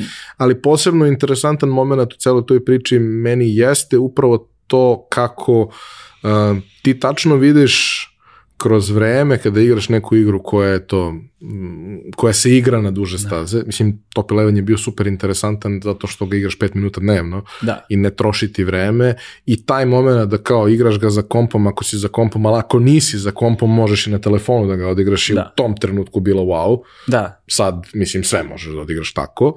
Ovaj ali, ali taj trenutak gde ti tačno ono ne znam kao ako, ako sezona traje mesec dana kao što traje u Top 11. Kao, tačno, brate, nakon desete sezone nešto dosadno, nema ne. više da gradiš stadion, sve si izgradio, nema šta i sad počinje to da te kopka i u nekom trenutku odustaneš. Pa su oni naravno ubacivali nove fičere, testirali Tako svašta je. nešto i ono, produžavali da taj ciklus ne bude 10, nego 15, 17, 18 meseci, ali taj moment gde stalno imaš nešto uh, I kao gomila igara danas ima taj moment da ili ima to sezonski neki ciklus ili ima nivoe, pa si sad ti došao na 472. nivo, ali da. poslednjih 50 su slični i više ti nije interesantno. Da. Stalno nešto mora novo da se smisli. Sad kako, kako izgleda taj proces u smislu vi ste tu da date inpute gde postoje problemi. Da, pa u mislim, s aspekta marketinga sad, u zavisnosti od firme, marketing i proizvod, odnosno product, nisu nužno povezani ili su jako povezani. U mobilnom gamingu su dosta povezani zato što tebi gro ljudi ode u prvih 30 dana, tako da ti stalno moraš da imaš ono nove korisnike u igri da bi te igra rasla. O, jel tebi do, recimo, do dana 30 ode ode 80% ljudi ili 90% ljudi iz probaju. igre. Koji probaju, da. A recimo ti ako imaš neki, neki marketing software ili bilo kakav software koji u principu se plaća, tebi 5% ljudi ode posle mesec dana. Znači ogromne su razlike. Znači razlika u črnu samom, odnosno koliko ljudi ode je baš velika. I sad ti s aspekta marketinga ti možda kažeš ovaj tip igre mora da ima mnogo veći LTV da bi ti mogao da radiš marketing za tu igru. Jer jednostavno ono, ne, nismo kompetitivni i ne možemo da, da dovučemo dovoljno korisnika za tu cenu iz razloga što nemamo dovoljno fičara i odnosno ne monetizuje se igra kako bi trebala. I ti sad možeš da tu se inspirišeš tako što gledaš konkurenciju, vidiš šta oni rade ili da opet ono ortogonalno što ja kažem, vidiš koji su to fičeri, odnosno game modove i slično u drugim igrama koji dobro rade i da li možeš da primjeniš to u svojoj, svojoj igri. Uh, uh, imaš neki kao standardne, ne znam, uh, te eventove, odnosno event frameworke, koje rade u svim igrama, to su, ne znam, takmičenje sa svih igrača, takmičenje klanova i slično, tako da dosta tih nekih dinamičkih dešavanja u igri pomaže da se, da se, ovaj, uh, da se produži životni vek svakog igrača, ili kao što su sezone u Top 11, gde ti imaš prirodno svaki 28 dana novu sezonu i onda ti imaš kao neki novi kontent koji je posledica nove sezone. Tako da, to, to su dve, dve stvari koje informišu, odnosno uh, informišu tim šta treba dalje uraditi ili da li je problem sa strane monetizacije, da li je problem sa strane retenzije, odnosno retentiona, u smislu da ti ako posle 10 sezona puta 28 dana odeš, ti vidiš ogroman drop, odnosno ogroman pad u broju korisnika, da treba još više sadržaja i onda se sve to analizira i u principu opet u, uživo se dodaju feature i planiraju i gleda se kako ti da produži životni vek igara. Ali imaš igre Top 11, 10 godina, Candy Crush 10 plus godina, uh, uh, Clash of Clans, Supercellov 10 plus godina, Heyday 10 plus godina, oni dalje prave milione i milione dolara mesečno iz razloga što se konstantno dodaje novi sadržaj i, i zbog toga korisnici ne idu, o, ne, ne idu iz igre. Kao što dobra serija nakon 10 godina i dalje bude aktualna zato Tako. što ima dobre scenariste Tako koji na tome rade. Tako je. A, ali šta mi je tu isto nekako ovaj, zanimljivo i interesantno? Čini mi se da je dosta važno da upravo pratiš šta radi konkurencija i da mehanizmi koje uvodiš u igru budu nešto što je igračima poznato jer nemaju oni kada uče novu stvar. To mora da bude nešto s čime se oni intuitivno razumeju. Jeste, da. Z zavisi opet od proizvoda, ali većina tih kao neki casual igara, odnosno igara za široku publiku, ti moraš da pratiš te neke konvencije. Ali konvencije su ti svuda, ono, to ti je, da se vratimo na ovu temu, zašto ti je, zašto je dobro da si multidisciplinaran ovaj umetnik, odnosno da, se, da razumeš različite, različite discipline. Zato što ti vidiš da su konvencije u dizajnu, recimo, gde ti, ne znam, ono, dugme ti je za potvrdu ti je zeleno, a za ono, poništavanje ti je crveno, to svuda postoji. I ti sad imaš, ne znam, konvenciju u igrama, ako spojiš tri, tri kockice, one će da nestanu. Ili ako, ako spojiš dva ista objekta, on će da se poveća. Uh, I onda te konvencije, ako praviš proizvod za široku masu, ti moraš da poštuješ konvencije, zato što ti one utiču na to kako se proizvod koristi. Znači, ako ti praviš igru koju hoćeš da igra 100 miliona ljudi, moraš da praviš igru koja je lako razumljiva, odnosno koja je koja, koja ljude podsjeća na nešto što su oni već videli. Candy Crush ti je match ti, recimo. Um, ne znam, Tetris, ono, svi živi na svetu, ono, svi, većina ljudi na svetu zna kako se igra Tetris i su u nekom trenutku igrali, ili arkadne igre kao Super Mario. Znači ti pratiš neke konvencije koje su ljudima poznate iz nekih drugih stvari, uh, ili recimo imaš one neke uh, igre, igre bazirane na nekom narativu koje su bukvalno španske serije, gde ti igraš špansku seriju kroz samu igru, ali to su opet neke konvencije koje postoje, koje, ljudi, koje masovno ljudi razumeju i onda to možeš da iskoristiš da napraviš masovan proizvod. Uh, ima to smisla. Ima. Da. E, tvoja pozicija e, nakon odlaska iz Nordeusa je bila fokusiranije. Da. I radio si u Machine Zone u kome je e, bila dosta drugačija kultura, performance je bio na, na dosta visokom nivou i očekivanja i sve. A, kako je to izgledalo i šta te, šta te to naučilo kada si došao da kao sad radiš na, na nečemu što je baš na tom tržištu baš ozbiljno i veliko i mnogo toga se dešava. Da. Pa mislim da sam to spomenuo prošli put, to je, to je izgledalo kao all star. U principu ti dolaziš u, u tim gde su 100 najboljih ljudi u tome što radiš na svetu i mislim ti nisi u top 10 naravno, ni u 50.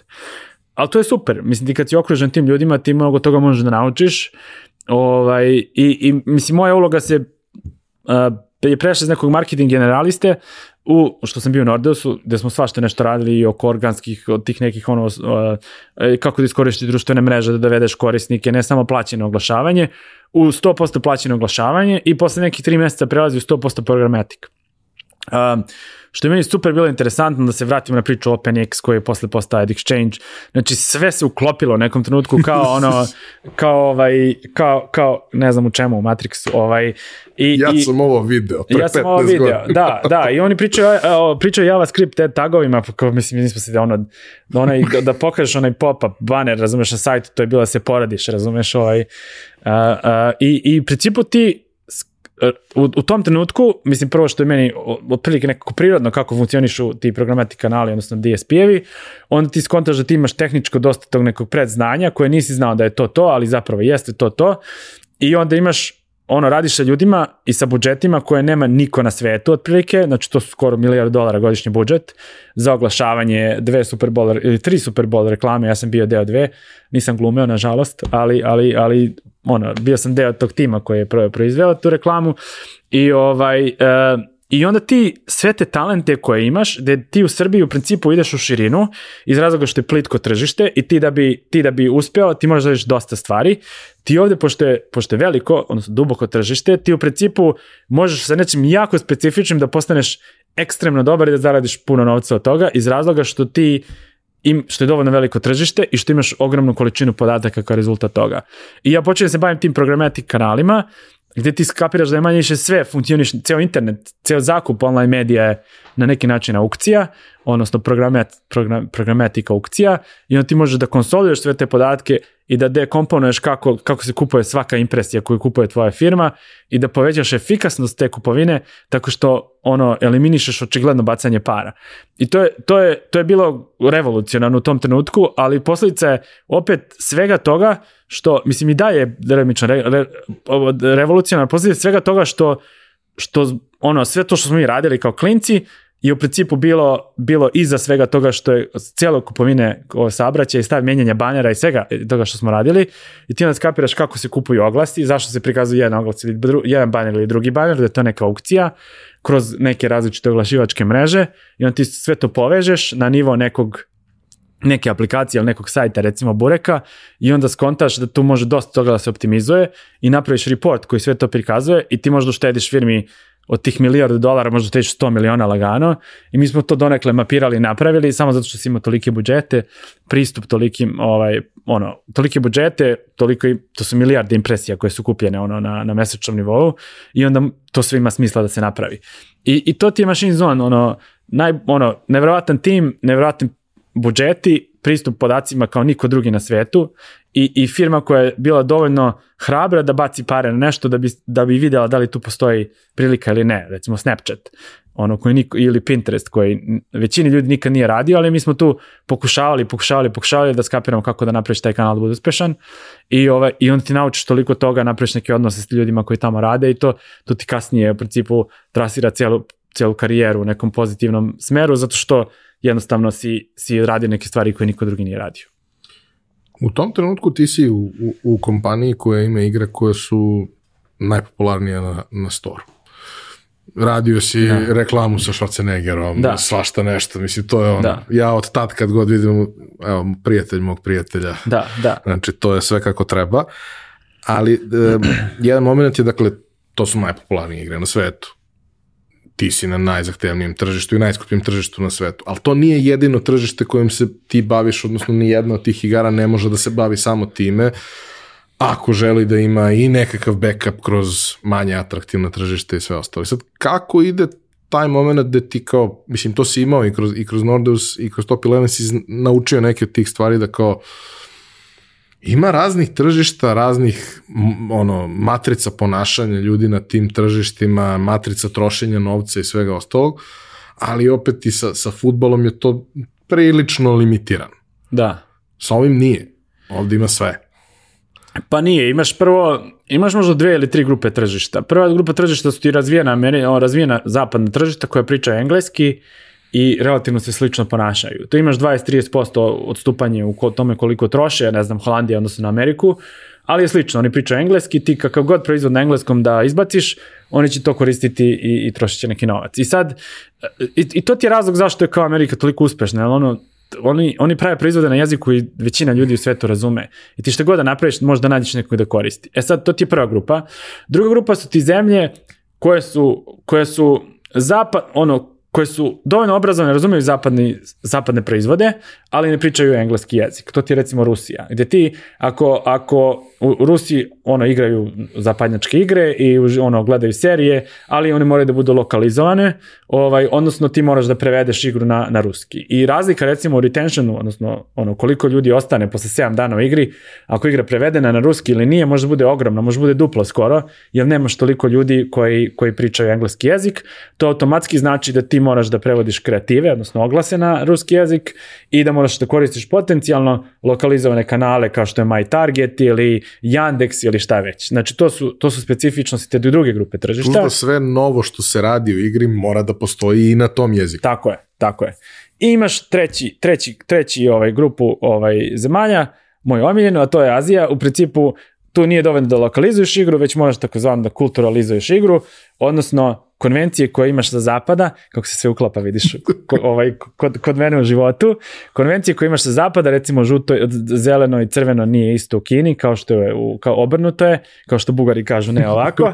ovaj, Uh, u svakom slučaju ne uklapaju se konvencije, znači ti u principu moraš da praviš novi interfejs i moraš da prilagođavaš i evente u igri, a čak i samu igru tom lokalnom tržištu. Sad, Japan, Koreja, tu možeš da solidno doguraš sam. E, Kina već ne možeš sam, treba ti neki publisher lokalni iz razloga što oni nemaju ni app store-ove. Ovaj, I drugo što je potpuno drugačije tržište, regulisano, imaš po, drugačije ID-eve u Kini, imaš taj kineski ID gde sve što radiš u igri se deli sa vladom, vrlo praktično. ovaj, ali recimo u Kini, u Kini, u, u Japanu i Koreji možeš dosta da doguraš i kao zapadni proizvod, moraš da kulturalizuješ proizvod, znači da ga prevedeš, da ga malo prilagodiš lokalnom tržištu, znači sisteme monetizacije, igranja i slično i moraš da koristiš lokalne kanale uh, oglašavanja i lokalne, uglavnom lokalne kreativne agencije iz razloga što ti kad pogledaš japanske oglase, oni su svi izgledaju kao oglasi za tablet, imaju neki 15 ono slika, te ništa nije jasno, ali njima je to jasno jer je drugačiji jezik, krupni su znakovi i, i možeš, i, jednostavno drugačije stvari izgledaju. Tako da to su ti te neke tri grupe ljudi, tri grupe uh, uh, tržišta uh, i, i, i ono, ja sam recimo bio deo tima koji je lansirao Top 11 u Koreji, možeš da koristiš recimo lokalne messengere, znači u Koreji to je Kakao, a, u, u Kini je WeChat, u, ne znam, Line je na Tajlandu i u, i u Japanu, ovaj, tako da moraš da razumeš opet neke aspekte lokalnog tržišta, da radiš s lokalnim kreativnim agencijama, ali se na kraju merenje je isto. Mislim, kako ti meriš te podatke, kako gledaš kad se vraćaju pare, koliko se vraćaju pare i slično, taj, taj neki proces je isti, ali kako ti se prezentuješ igru i proizvod samom uh, uh, korisniku je malo, je dosta drugačije u nekim tržištima. Ali imaš i dodatnu investiciju samim tim što si morao da se baviš još nečima, ne samo da pustiš igru na tržište. Tako je, ali pazi, Japan, Japan je tržište koje je ono 10 godina ispred zapadnog tržišta, oni troše značajno više novca od Amerikanaca u igrama. Um, oni imaju nekoliko igara koje prave milijard dolara, ili ne znam sad lupa malo brojeve, ali, ali ne znam, imaju nekoliko igara koje su napravile više milijardi dolara. Ovaj, zato što oni, oni su obsednuti, ono, gaming je veliki deo njihove kulture i, i njima je to normalno da potroše, ne znam, ono, 10.000 dolara u igri godišnje. Ovaj, što na zapadu još iako je to dosta bliže onome što je bilo nekad, ali, ali dalje to nezamislivo. Ja mislim da za dosta ljudi tamo casual gaming će da ostane casual. Trošit će oni neki iznos koji da, njima nije da. strašan, stotinak, 200 dolara mesečno, njima nije ništa ali neće preći neku cifru koja je značajna. Da, ima još jedan, recimo, interesantna je priča kad već pričamo o, o tim uh, Japanu, Koreji. Uh, marketing strategija je potpuno drugačija. U smislu, njima je jako bitno da je nešto novo i da su oni prvi koji su za to čuli.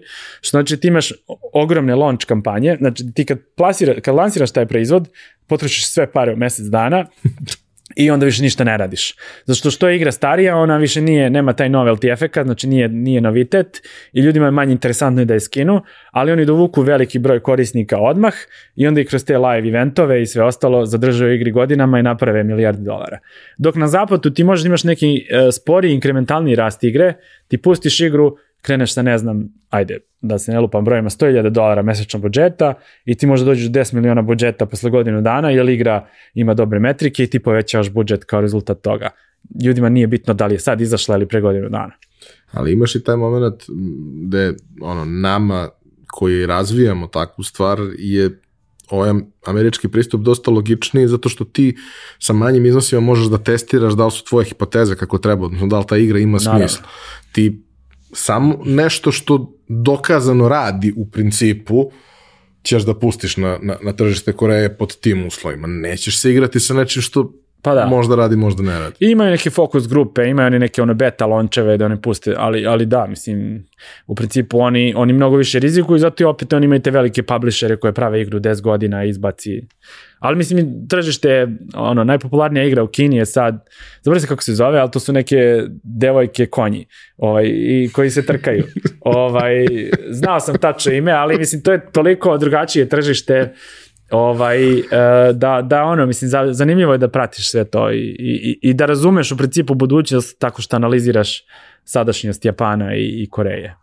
A kaži mi taj moment da ti praviš nešto što je dakle u masovnoj nekoj upotrebi, ajde kažemo relativno jednostavno može svako da ga savlada i ne zahteva nekakav hardware poseban, znači bilo koji pametni telefon može da ga vrti Da. neki puzzle ili nešto slično.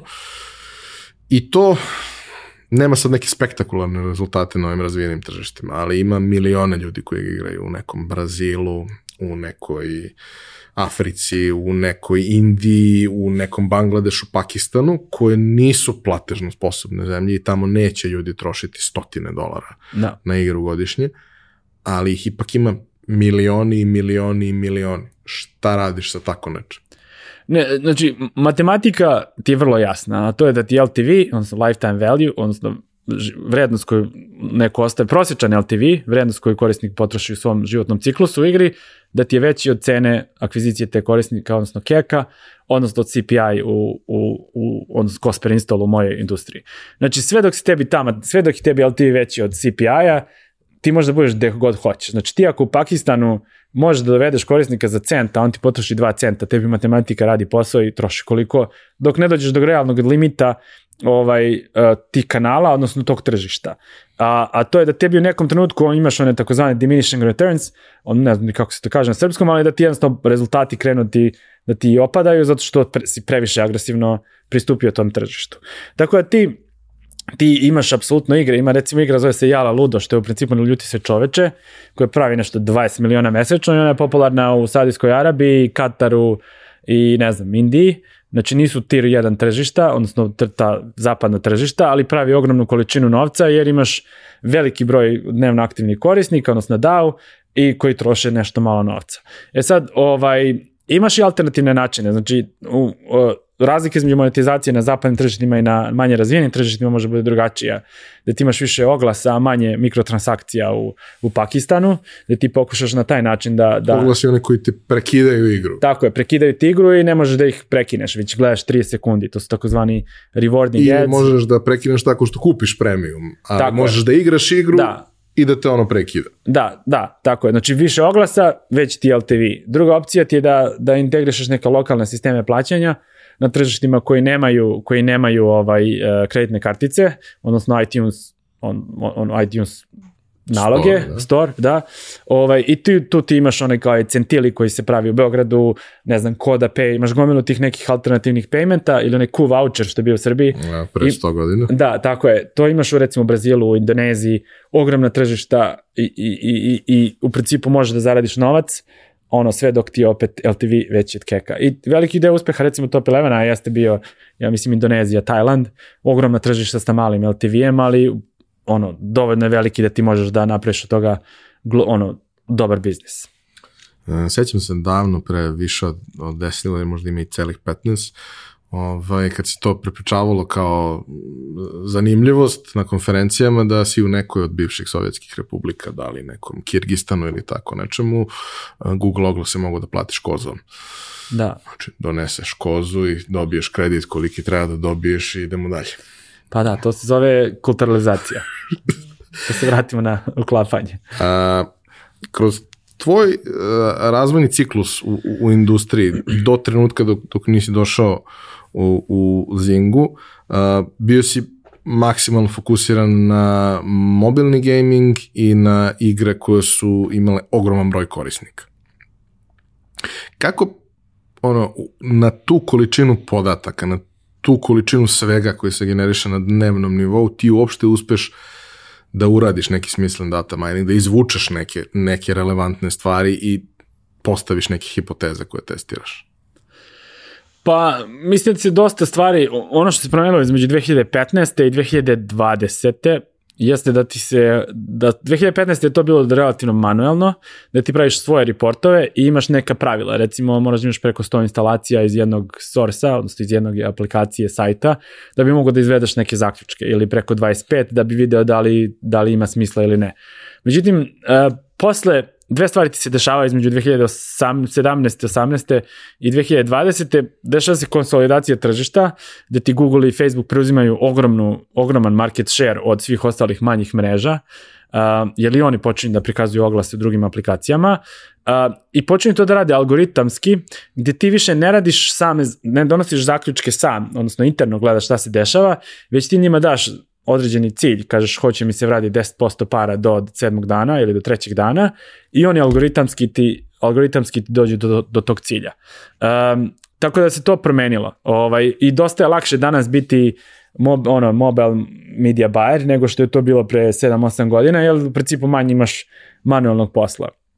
To je što se tiče samo media buyinga. Što se tiče, što se tiče uh, uh, svega što se dešava posle instalacije, u principu ti imaš, većina velikih firmi ima neke prediktivne modele koji ono, analiziraju na osnovu podataka, ogromne količine podataka, šta će se desiti u samoj igri. Ako ti dođeš iz ovog kanala, iz ove zemlje, na iOS-u ili Androidu, ti ćeš potrošiti ovoliko novca. I to su opet neki algoritmi ovaj, koji ti određuju koji će ti biti ono, budući LTV samo korisnika, odnosno prediktuju LTV to korisnika, zato se zovu PLTV modeli i ti onda u principu uspešni, uspešni si što, što su ti uspešni ti modeli, ono, odnosno što bolje možeš da predvidiš šta će ti se desiti u budućnosti. A modeli uče na osnovu podataka kojima se stalno feeduju. Tako je, da. Oni imaju neki, u principu imaju neku krivu, ovo ti je normalno ponašanje, na osnovu 3, 4, 5 dana ti već znaš otprilike kako će taj korisnik da se ponaša, ili grupa korisnika što je još, još preciznije, i ti onda na osnovu toga možeš da kažeš e, ova kohorta, odnosno ova grupa ljudi koja je došla iz istog kanala u isti dan, će se otprilike ovako ponašati i na osnovu toga donosiš odluke o, o, o, o investiranju dalje. Um, kada si prešao u Zingu, svi smo prvi put e, čuli za firmu u kojoj radiš. Mislim, prvi put si prešao u firmu za koju smo prethodno da. čuli. Ovde, u, u ove dve firme pre toga, mi smo znali proizvode. Da. Ali sam brand firme nama ovde u Srbiji nije nešto bio pretarano ni poznat ni, ni, ni značajan. Zinga je household item 15 godina unazad. Znači, Zinga je ono, od onih uh, čuvanja kućnih ljubimaca na, na, na Facebooku Farmila, pre 15 da. godina i, i svega toga što, što je bilo oko toga, do danas postala ogromna jedna imperija koja je imala neku uzlaznu putanju, pa neku silaznu putanju kako je to igranje na Facebooku prestalo da bude, da, da bude možda toliko relevantno. E sad, uh, kad sam bio tamo i kad smo se vozili i kad ste mi pokazali uh, ti i Daki kako u stvari izgleda to sve da. i kad sam ja skapirao da kao, znaš, on, nije baš pretarano cool raditi u Facebooku, jer ima 100.000 ljudi koji rade u Facebooku, pa kao to ti kod radiš u zastavi. Pa da, delta. I, znaš, da to sve onako prilično, uh, ali da ima nekih cool stvari, da ima nekih interesantnih stvari. Ovaj, Zinga je delovala kao jedan takav sistem koji ima nekakav ogroman broj ljudi, ogroman broj, broj proizvoda, ono, je, monolitno jedno zdanje u kome radi 30.000 ljudi gde apsolutno ono individua nema nikakvu šansu da bilo što uradi i većina tih proizvoda koje su koje smo znali su bili household itemi 10 plus godina. Da. Kao da se kao da su ostali u nekom trenutku u nekom vremenu i sad kao ti prelaziš tamo kao možda ne budeš ostario malo, možda hoće da, malo da pa se jesam, primi. Da. da. Šta je bila motivacija kako izgledalo kad si, kad si došao tamo? E, pa Mislim, nije, nije neistina da se te da se primirim. Mislim, ja starim, imaš drugačije prioritete koje nisu ono kao ajde da lomimo glavu po, po startupima za nula dolara. Ovaj, mislim, ti kad stariš ti u principu i ono što me naučio posle jeste da uvek optimizuješ za ROI, odnosno šta se tebi izlazi iz toga što ti dobijaš, a ti u većem sistemu dobijaš dobru platu za normalne radne sate, odnosno u startupu dobijaš šansu da napraviš veliki novac, što mi u ovoj fazi života više nije toliko interesantno, ovaj, za, za ogroman effort i, i to je to. Ništa, mislim, a u većini slučajeva, odnosno u tri slučajeva u mom slučaju, znači Machine Zone je firma vredila 10 milijardi kad sam ja otišao, prodala se za 500 miliona, Network se prodao za što god je investirano u tu firmu, znači ja nisam napravio ništa od tih ekstremno uspešnih startupa u kojima sam imao ono, možda Zone ne toliki, ali u Network sam imao dosta veliki uticaj na taj, na njihov uspeh. Ovaj, tako da, tako da je to malo, ono, opražio sam se na mleko i duvam u jogurt, ta je bila faza. Drugo, mnogo bitnije, ovaj, mnogo bitnije stvar koju, koju, koju, koja je opet specifična za industriju jeste da se dešavaju velike promene vezane za privatnost, um, u kojoj može se napraviti poseban podcast, a to je da Apple i Google najavljuju da, da će u principu limitirati kako se meri na koji način ti možeš da meriš i da li možeš da meriš uspešnost svojih kampanja na, na internetu, odnosno na mobilnim platformama. I šta ti možeš da znaš o svojoj publici? Oni će Tako. i dalje znati ono što su Oni znali, sve, ali da. ti nećeš znati ništa. Tako je, što znači da sve ovo što ja znam, ova vodu magija, ovo prskanje, ovaj, može da padne u vodu za dve do tri godine od danas. I ti u principu, kad se nalaziš u to nekom turbulentnom vremenu, ti gledaš da odeš u stabilnije okruženje a ne o neki startup u koji živi i umire od, od toga ovaj, ono, kako je šta neki Google kaže. Šta neki Google kaže, tako je. I u principu, ono, ja sam dosta razmišljao o tom, intervju sam se na par mesta, uh, korona godina 2020, ono potpuno, potpuno neko ovaj, uh, ludilo, pogotovo kad si tamo sam si, San Francisco ima bukvalno najgore, one, ni, nisi mogu, tri godine smo nosili maske, ono, bukvalno, sećam se 2021. dođemo u Srbiju, ovde niko masku nije nosio, mi tamo ne smemo iz kuće da izađemo otprilike. Preterujem, ali, ali nosili smo dugo maske i, i, i ljudi su se baš dosta izolovali Ovaj, I onda, mislim, ono, treba da neseš odluku gde ćeš da budeš sledeće dve, tri godine života i meni je trebala stabilnost u, u smislu da odeš u veliku firmu, da imaš normalne uslove, znači normalno si plaćen i sve i u, i u principu da preživiš tu kao ono IDFA zimu, kako mi zovemo, ili mobile marketing zimu. Um, plus, ono što je u Zingi bilo interesantno jeste da nije postao niko ko vodi user acquisition u Zingi. Znači ja sam bio jedan od se, najsenior ljudi i imam šansu da budem na mnogo boljoj poziciji za par godina zbog toga što to nije generalna funkcija koja je najbitnija u firmi i nema neko koji je jako senior koji vodi sve to, pa je kao to možda neka prilika za mene. Tako da imalo, imalo je puno smisla, Uh, opet ovaj internacionalna firma, možeš da se sutra prebaciš u Evropu ako hoćeš i, i, i nekako od svih ostalih opcija koje sam imao, to je imalo najviše smisla i to je stvarno bilo dobra odluka iz razloga što sam dobio stabilnost, ta mentalna fizička stabilnost u tog koroni bila jako bitna, na kraju smo, na kraju smo ono, dobili dete, tebi mnogo bitno da si u stabilnoj firmi dok imaš dete, drugo imaš benefite, ja sam sad bio pet meseci na porodijskom, ja sam deo velike firme, ali to je opet starenje, ja znam da je to možda i odustajanje u nekoj meri, ali meni to sad nije toliko bitno. Mislim, posao mi je bitan, apsolutno, on je veliki deo toga ko sam ja, ali se sa starenjem povlači crta ono dokle taj posao može da zagazi, jer ti jednostavno moraš da brineš o svom fizičkom zdravlju, mentalnom zdravlju i o, i o porodici. I radiš na nečemu što, ok, možda nije cutting edge, ali je užasno veliko. Da. Znaš, i ok, kada je užasno veliko, verovatno ti ne možeš da napraviš nekakve veliki pivot, ali upravo ono što si malo pre rekao, ti ako uštediš negde 5%, to, to je ogromna Tako količina je. novca. A na klikjer i na neku ludačku ideju možeš lako da napraviš neku takvu vrstu razlike. Pa mo, možeš, da. Mislim, nije, nije to, to ti je, imaš, imaš dva načina da, da stekneš neki kapital. Jedan način ti je da ti odeš neki network ili Nordus ili gde god i da to ono ode ono da se lansira ono do nebesa i ti zaradiš ogromne pare. Međutim na kraju dana opet vraćamo se na ROI, ROI života, šansa da se to desi, znači uložiš jako puno vremena i šansa da se to desi su 5%, možda 1%, realno su 1%. A imaš drugu opciju da ti odeš u neku veliku firmu da si dobro plaćen i gde ćeš zaraditi neki novac, ono koji je sasvim solidan i šanse su ti 5%. Znači ti u principu imaš pet puta veće šanse za za dva puta manje rada. I ja ne kažem da ne, ja ne želim da radim, ja i dalje radim puno, ali je poenta da, da u nekom trenutku da ti tog startup ludila bude dosta. I, i da jednostavno ti ne vidiš benefite toga, to, ta ono kad si ti klinac, kad si naložen, ajde menjamo svet, super, ali ti u principu jako puno radiš u, u ekstremno, u, u okruženju koje je ono visokog stresa, za za neki potencijalni benefit koji nije zapravo benefit.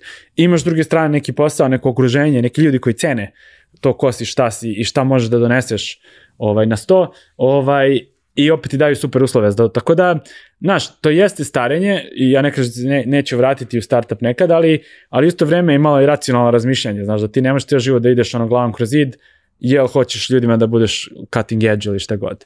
Ali mislim da je jako dobra stvar za tebe bilo što si se izdrilovao na ovim mestima. Kako ne? Pa si onda bio spreman za ovako nešto. Kao obično kad pričamo o tome, ajde ne pričamo o gamingu, pričamo o drugim industrijama, obično se kaže idi u korporaciju, stekni strukturu, pa onda pokreni nešto svoje. E, da bi u korporaciju došao na, neki, na neko mesto koje nije uh, mail room, da nije loše da si negde se izdrilovo i da dolaziš kao da, all star. Ne, ja, ja bih obrnuo to skroz. Zato što, zato što ti u startupu neverovatno brzo učiš i imaš pristup, neverovatno, možeš sve da radiš, možeš šta god hoćeš. Razumeš, mi smo u Bureku mogli kažemo, jer Burek danas bude roze i ti sve promeniš i roze, razumeš, a ti to u velikoj firmi ne možeš da uradiš. Tako da ta, mislim da ta struktura i to prevaziđena, kad si u 20 ti samo treba da učiš kao budala, znači da ono, ti fokus bude učenje, da što više stvari uradiš, što više ljudi upoznaš i, i, i, i imaš, imaš vreme da napraviš rizik. U smislu da da kao, mislim na kraju dana i kada analiziraš naše 20. mi smo to zapravo uradili, a to je da si ti u 20. radio dosta nekih glupih stvari, jer ti je zapravo oportunitni trošak bio jako nizak, a ti si gubio vreme koje si svejedno imao koliko hoćeš. I koje u suštini nije vredalo ništa. Koje u suštini nije vredalo ništa na tržištu gde nemaš novca. A sad jebi ga, ti imaš, ono, imaš porodicu, imaš, mislim kao, moraš se baviš svojim telom i svojim mentalnim zdravljem, jer si se istrošio, razumeš, ono, tokom 20 godina rada i ti optimizuješ za malo drugačije stvari, razumeš, tako da, ok da imaš neku strukturu i sistem i sve sporo, ali, ali nagrada za tu sporost je očekivana, očekivana i, i, i ne, nije volatilna u smislu da ono, dobit ćeš jedan, jesu ti, ako ste rekli 1 ili 1,2, a nećeš dobiti 0 ili 5.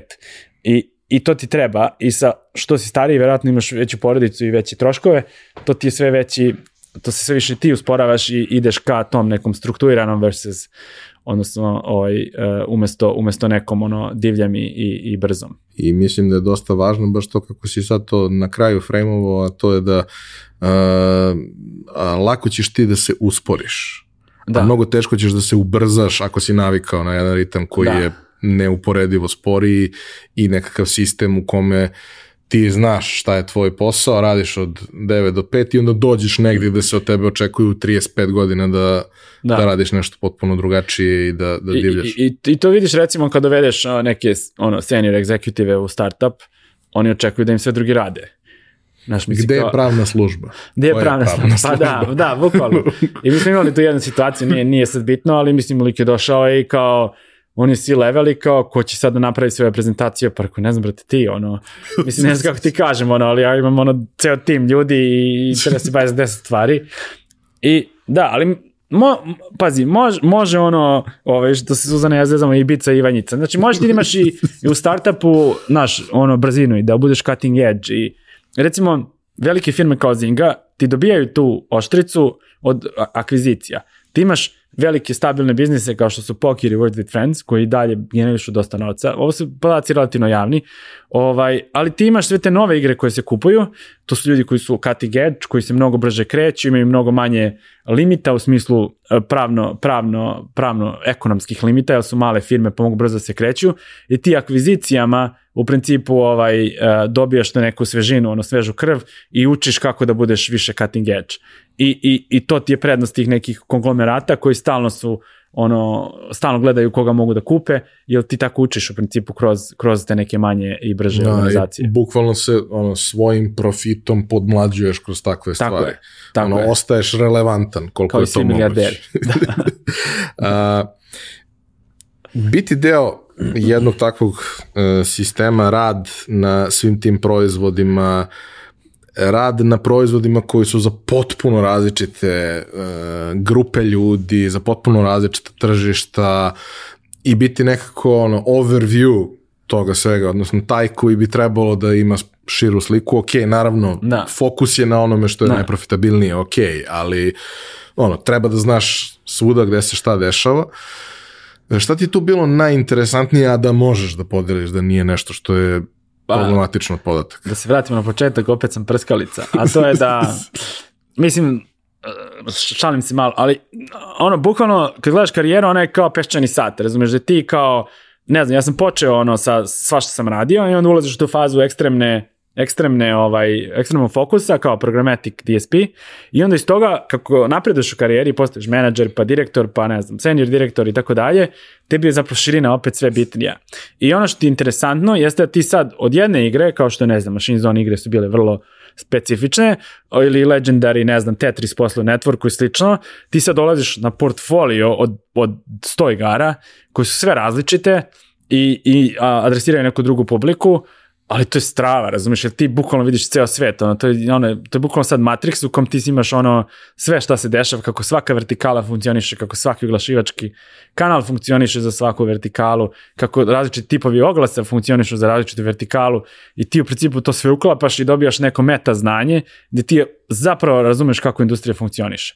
I, I ta širina, opet to što smo mi generalisti po prirodi, ono se jako isplaćuje jer ti to razumeš na nekom intuitivnom nivou jer nemaš taj, taj, taj problem ono, razvijenog tržišta gdje ti imaš one, kako se zovu za konje, ovaj, uh, koje te samo kao usmeravaju u jednom pravcu, već ti razumeš da je to tržište koje funkcioniše kao jedna celina i da ti možeš da iskoristiš neke ono, prilike uh, koje se pojavljaju samo zato što razumeš više od jedne kategorije, jednog Mm. tipa igara. Da, Meni to je- baš ekstremno interesantno. To, je, to, to nisam spomenuo, to je jedan veliki razlog što sam ja otišao u Zingu. Jer kao, razumem kao određeni tip igara kako se skalira, odnosno raste, razumem tehničku stranu toga, razumem marketing, ali nemam širinu portfolija koju Zinga ima. I ti sad razumeš ono kako Facebook funkcioniše na, na, na, na nivou na kome ono jako malo ljudi u svetu razume iz razloga što ti vidiš kako Facebook radi za 100 proizvoda koji troše dovoljno novca da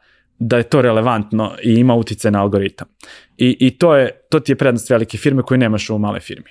Pa imaš i taj moment da ako pogledaš vaš portfolio u odnosu na sve ono prethodno što je bilo ekstremno uspešno. Ti si sa ekstremno uspešnom igrom pokrio, nemam pojma, 70% populacije od Da. da. 19 do 40. Da.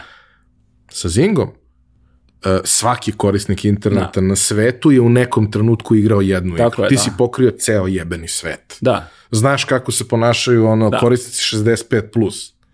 Pa da, i ono, ljudi Ivanjici traže, traže kredit za poker, razumeš? Mislim, to je, to ti je zašto ljudi znaju Zinga poker. To što kažeš, ljudi ne, nikad nisu, mislim, ljudi generalno ne znaju čime se ja bavim, ali sad je kao Zinga opet neko veliko ime, znaš. Nordus je bio dosta, u Srbiji je bio poznat, ono, ali, ali mislim, Zingu zapravo svi znaju baš zbog toga, zbog pokera i zbog uh, Farmvilla i čega god. I, i to, je, to je super, znaš, mislim, u životu generalno, iako ja nisam najpozitivniji tip, moraš da znaš kako ti izvučeš po, najpozitivniji iz svakog okruženja. Znači nije ono, otići u Google nije loša stvar, ali možeš da znaš kako da iskoristiš Google da, da postaneš bolji u tome što radiš. Znači ti možeš da se penzionišeš, radiš 3 sata dnevno, ali možeš i da radiš 8 sati dnevno i da budeš ono jebeno dobar u tome što radiš i relevantan i da te hoće kogod hoće, ali moraš da to želiš i da znaš kako da iskoristiš sistem kao i svaki. A i, mislim, kada odeš u Google, mnogo je cool da kažeš ovde da si u Google, ali vrlo verovatno si jedan od 97% onih koji su ono, Da, ne, samo šraf negde koji, Tako. koji radi nešto što je suštinski nebitno i ne pravi neku razliku. Industrija je takva da ti kao šraf možeš da živiš pristojan život, da, ali u suštini ono, nije okruženje takvo da će te forsirati da ti napreduješ ako ti ne želiš da napreduješ. Tako je. Možeš ti da, da životariš, da se kaže, imaš neku ok posao, ali ne moraš da kidaš stalno. I bit ćeš sasvim ok. Ovaj, mislim, ne možeš sad da ne radiš, naravno, to je, mislim da je to malo laž, ali kao da ti budeš normalan ono kao performer, živit ćeš super i dobit ćeš neke ono refreshere, dobit ćeš povišice i to odnosno na inflaciju i, i živit ćeš ok. A jedno što kažeš, koliko si ti relevantan dugoročno, to zavisi od tvoje pozicije, koliko stici imaš i svega toga. Um, prošlo je 10 godina od kako si otišao u Ameriku, među vremenu smo imali i COVID. Da. I sve ostalo. Ženio si se, dobili ste Ivu. Da. A, u ovom predavanju o kome smo pričali sa, sa, sa Digitoka u Zrenjaninu, m, ti si sublimirao tu i neke mnogo više životne stvari nego što se poslovne stvari. Meni je interesantno da pričamo o poslu ovde, ispričali smo neke stvari zato što kao jebi ga možete natera da razmišljaš malo o nekim stvarima na drugačiji način, da, is, da kopaš nešto i da nađeš možda nešto Da. nekonvencionalno za sebe, ali suština negde jeste da malo pre si rekao da ti nisi naročito pozitivan čovjek, ja nisam naročito pozitivan čovjek, to svi znaju, ali svi koji me znaju, to znaju, ali e, ti si otišao kao najpozitivnija osoba na svetu. Da. A, kada bi trebalo da podvučeš neku crtu za ovo do sada, što je, da kažem, tek smo se zagrejali. Da. Ali e, šta je tebi, šta su tebi najvažnije zaključici koje imaš ono o, o, o životu kao takvom iz jednog sistema koji te je naterao da sazriš? Pa, šta znam, mislim da napisam onaj tekst vrednost vrednosti se zove, možda je to najbolji, najbolji, najbolje sumirano. Mislim, da, skontaš da su ti fundamenti svuda isti, znači i, i opet sve se uklapa, znači storytelling je svuda isti, a, forma je drugačija. Znači fundamenti su svuda isti, znači ako si dobar čovek, ljudi će te poštovati bilo gde. Ako, ali ti moraš imaš neki svoj integritet i moraš da moraš imaš neki, da znaš šta poštuješ, koga poštuješ i, i da daš sebi vremena. Mislim da, mislim da sam ja u Srbiji precenio značaj vremena, ono vraćamo se kao godinu dana, šta može za godinu dana, šta može za deset. I, i, I sve će to biti ok na kraju. Uh, mislim, nisam ja, ja, ja sam u principu pozitivan za Srbiju, ali Amerikanci su ekstremno pozitivni iz razloga što nikad nisu imali neke ozbiljnije probleme u životu. Ovaj, mi smo imali opet mnogo neke konkretnije probleme od njih u smislu bombardovanja ovog onoga nemaštine, šta Pazi, već. jedna, jedna glupa stvar, ali izvini što, što Da. prekidam. Da. Kao, znaš, kad smo pričali, mi smo ostali zaglavljeni u Americi, tad smo se čuli stalno i Da. sve. Kad smo pričali kao, ljudi, vi nikad niste imali rat. Pa nije imali smo. Niste imali rat Pa da, kod pa vas. Imali ste rat negde. I Nisu ti imali- čuješ da. strašne stvari, ali, brate, ne dešava ti se ispred gajbe. Da, Znaš i nisu imali, nisu imali ekonomsku krizu.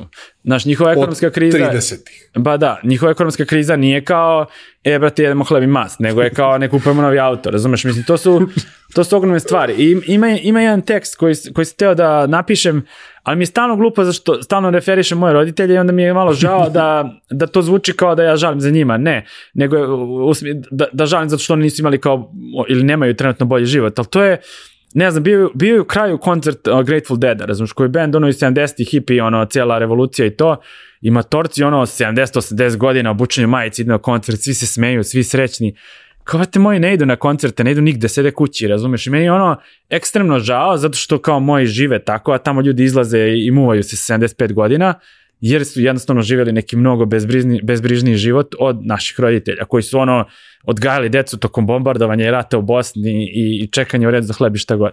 Uglavnom, nisam ja negativan, ja sam samo za njihove uslove preterano realističan, odnosno ja ne sugarcoatam, odnosno ne, go, ne, vrlo često ne govorim stvari, uh, ne ulepšavam stvari, nego kažem kakve su. A to ti u, u intenzivno političkom okruženju, kao što je velika firma, nije dobra osobina. Ele, da se vratimo sledeći, na sledeći det. Mislim da ono kao, ono što sam ja skapirao posle 10 godina u Americi, jeste koja je vrednost ličnih vrednosti koje ja nosim sa sobom i koje ti znaš jer se znamo toliko dugo. Ja sam došao iz malog mesta, porodica mi je jako bitna, moja porodica, moji roditelji, moje okruženje, vi ste mi jako bitni, znači ono zajednica ljudi iz Srbije koja je u principu iz nekog razloga ono mene pogurala da ja odem u Ameriku iako kao što kaže to možda i nije imalo smisla. Mislim to su scene ono koje nemaju nikakvog smisla, razumiješ ti kao da ne znam ono lupa. Meni ljudi koje ne znam daju pare da ja bi preživio u Americi, razumeš, ono, mislim, to, to ne mogu da, za- da zaboravim, razumeš, ono, vi ste mi dali pare, slali, Ćosa mi je dao pare, a, ne znam, a, ima jedan dečko, Miloš Durković se zove, pisao sam baš skoro, mislim, on mi je čovjek dao, ono, mislim, znam, čitam moje tekstove, ovaj, i kao, i kao, mislim, to sam ja, ja sam ti ljudi, ta sublimacija svega, E, ja sam taj integritet koji u principu mogao sam sigurno mnogo finansijski bolje prođem u životu, ali meni ništa ne fali. Znaš, i ti ono, moraš da skapiraš, ono, u koju, za šta ti optimizuješ trenutno u životu, uh, ja sam trenutno u životu optimizovao stabilnost za svoj brak, za o, svoje dete i da kao imam neki normalan život koji u principu može da proizvede možda nešto veće, ali to nije prioritet. Druga stvar je, um, mislim, ja sam skapirao u Americi, pričali smo o tome, da i sad pišem tekst o tome koji će možda izaći dok izađe podcast, da, da je meni Amerika super poslužila da mi je dala prostor i vreme da ja to skapiram. Ali prostor i vreme da ja shvatim da sam ja to što jesam, zbog toga što dolazim odakle dolazim, a ne zato što sam ja sad u Americi u nekoj industriji uspešan. Mislim, to je na kraju nebitno. Ovaj, već zato što imaš kao, odrasli smo u nekom malo težem vremenu, ali smo imali roditelji koji su ono cimali se za nas, mi smo se jedni drugima pomagali cimali i meni to na kraju dana mnogo više vredi nego sad da neko kaže ti si uspešan ovo. Tako da taj neki integritet vrednosti koje nosiš iz kuće, da poštuješ ljude oko sebe, da daš priliku svakom iako te nekad smara, ono, ja si dalje, to, to ljudi kažu da, da je moja mana i zašto ja nikad nemam vremena sviđenja s ljudima, što sam ja previše pristupačan, ali, ali to sam ja, to su moji roditelji, to smo mi i to je iz, uradilo da ja budem to što jesam danas i ja to ne smem da zaboravim i to je vrednost mojih vrednosti i mislim da je to u principu 10 godina razmišljanja o Americi da, ono, vratiš se, mislim, bukvalno tekst je o tome, o, o bežanju, kako ti stalno bežiš da bi se našao, ovaj, što, je, što, je, što je besmisleno, bežiš negde tamo drugo da bi se našao tamo odakle si i ti se uvek vraćaš na kraj, a, kra, a, na početak, a početak je to da si ti autentičan i unikatan zašto dolaziš odakle gde jesi, a ne zašto ti imaš više para od nekog drugog ili voziš bolje auto ili imaš više followera na Instagramu. Znaš, to su, to je mnogo teško da skapiraš, ali na kraju jedino kao si zadovoljan i, i, i potencijalno srećan ako, ako budeš ok sa tim, sa svojim vrednostima i tim ko si ti, ko, ko si ti autentično uh, u ovom svetu. Ovaj, I eto, mislim da je to neko ovaj, duboko, ali razmišljanje do kog sam došao. E, sve što ti se desilo dobro, a vezano je za tebe, a i za neke druge ljude, si zaslužio. Nadam Mislim, se. Bez da. obzira na to kako je možda nekad delovalo i da nije imalo smisla da. i sve ostalo, nama nije bilo logično što ti ideš, ali smo verovali u tebe zato što si ti zaslužio da neko veruje da. u tebe. Da li će to da bude dovoljno? Pa jebi ga, život nije takav da takve stvari uvijek budu dovoljne. Ali znaš kao, uh, što ja stalno volim da pomenjem kad me neko pita, ne znam, ako krenemo da radimo sa vama, je li to sigurno da će da se desi? Pa nije, ali je najniža kvota. Da. Ti si imao u našem okruženju najnižu kvotu da tamo napraviš nešto. Zato što si takav, zato što si u stanju da se prilagodiš, zato što ćeš da ideš glavom kroz zid, ali nećeš po svaku cenu beskonačno da ideš glavom kroz zid, kao što bi neki radili. Da. Ovaj, I kao dovoljno si pametan da proceniš kad treba da budeš kamen, kad treba da budeš voda i da, da. da a da opet ne pogaziš ništa od, od, od onih fundamentalnih vrednosti o kojima smo pričali. Tako da sve dobro što se desilo, desilo se sa, sa razlogom i mislim mnogo glupo to zvuči pošto si ti tu gde jesi i uh, u svom životu i u karijeri i u svemu ostalom, a ko što sam ti rekao više puta, mnogo sam ponosan na tebe. Na, hvala ti. Pa evo da ti kažem da to zaslužio, mislim ne, ne moraš čekati da zaslužio, mislim da treba budeš ok s tim da da si tu da jesi, da si to što jesi i da nisi zajebo nikoga da dođeš tu I šta god tvoja realnost tad bila, ovaj, to je okej, okay, razumeš? I mislim da, jer na kraju to napravi razliku, znaš, na kraju skontaš da je, da je, opet vraćamo se na autentičnost o, o kojoj sam dosta razmišljao, da u današnjem svijetu zapravo autentično biti, biti normalan. Ovaj, I da ta normalnost ti napravi razliku i da to što si ti relativno skroman i što ne grizeš i gaziš preko drugih ljudi i što ti kažeš ne znam nije šta, ovaj, da to ljudi možda kasnije, ali nauče da cene i nagrade te za to. Ovaj, I opet treba da daš da je vreme ekstremno bitan sastojak, samo je teško da prihvatiš da je to tako i kad prihvatiš i kad skontaš da neka treba ono, da pričaš sam, da vodiš razgovore sa sam sa sobom na papiru, da kao pustiš malo vreme da prođe, da će se sve desiti, to zapravo tako bude. I tako je bilo i, mislim, ja sam se i kasnije oženio nego drugi ljudi, mislim, i, i, i došao sam u Ameriku i počeo sam karijeru s 28 godina i tako dalje, nego prosječni ljudi, ja da kažem, ne drugi, ovaj, ali ok, ono, imaš u ono, Americi izraz, ono, late bloomer, ono, odnosno kasno cvetači. Možda mi ti koji kasnije cvetaju, ali na kraju ono lepše mirišu i budu veći nego drugi. Tako da, ono, ne, ne žališ ni za čim, već ono kao imaš neke svoje principe i, i menjaš se, zato što to je jedin način da, da opstaneš, valjda. Mislim da je mnogo bolje biti ovaj, late bloomer koji će trajati nego one hit wonder koliko god da je taj hit veliki. Da, pa šta znam, Litva je dosta veliki hit. Radoviću, hvala ti. Hvala ti prvo za ono predavanje na koje si došao uh, pet minuta pred i pobegao odmah nazad jer ti je raspored bio takav, da. ali si došao, pokido i, i da. otišao. I Znaš, ono, pričao sam sa dosta ljudi koji su bili u toj sali i mnoge je pomerilo na jedan jako dobar način, jer jebi ga, mi mnogo volimo da mistifikujemo stvari koje nisu da. u našem dvorištu a ti si pomogao da se dosta toga razveje. Naravno, niko neće moći da reši sve svoje dileme dok ne proba zapravo kako je tamo. Da. Ali baš evo i, i, i Vlada Petković koji je, koji je bio pre tebe, koji kaže kao, znaš, ja sam tri godine, radio sam dobro, imao sam super kintu ovde i sve, ja sam tri godine skupljao pare da sa ženom odem tamo, mi smo ih spalili za mesec dana. Da, pa da, ja sam za šest nedelja, da. smo da. planirali šta, jednostavno, brate, kao, to je život, došao si, ne postojiš i to je jedan proces koji odgovorno je reći ljudima da će to biti tako. Da. Mogu oni da misle da su pametniji i bolji, ali kao elementarno odgovorno da, da im kažeš ljudi, mislim, bit će tako. Da, prva godina će uvijek biti teška.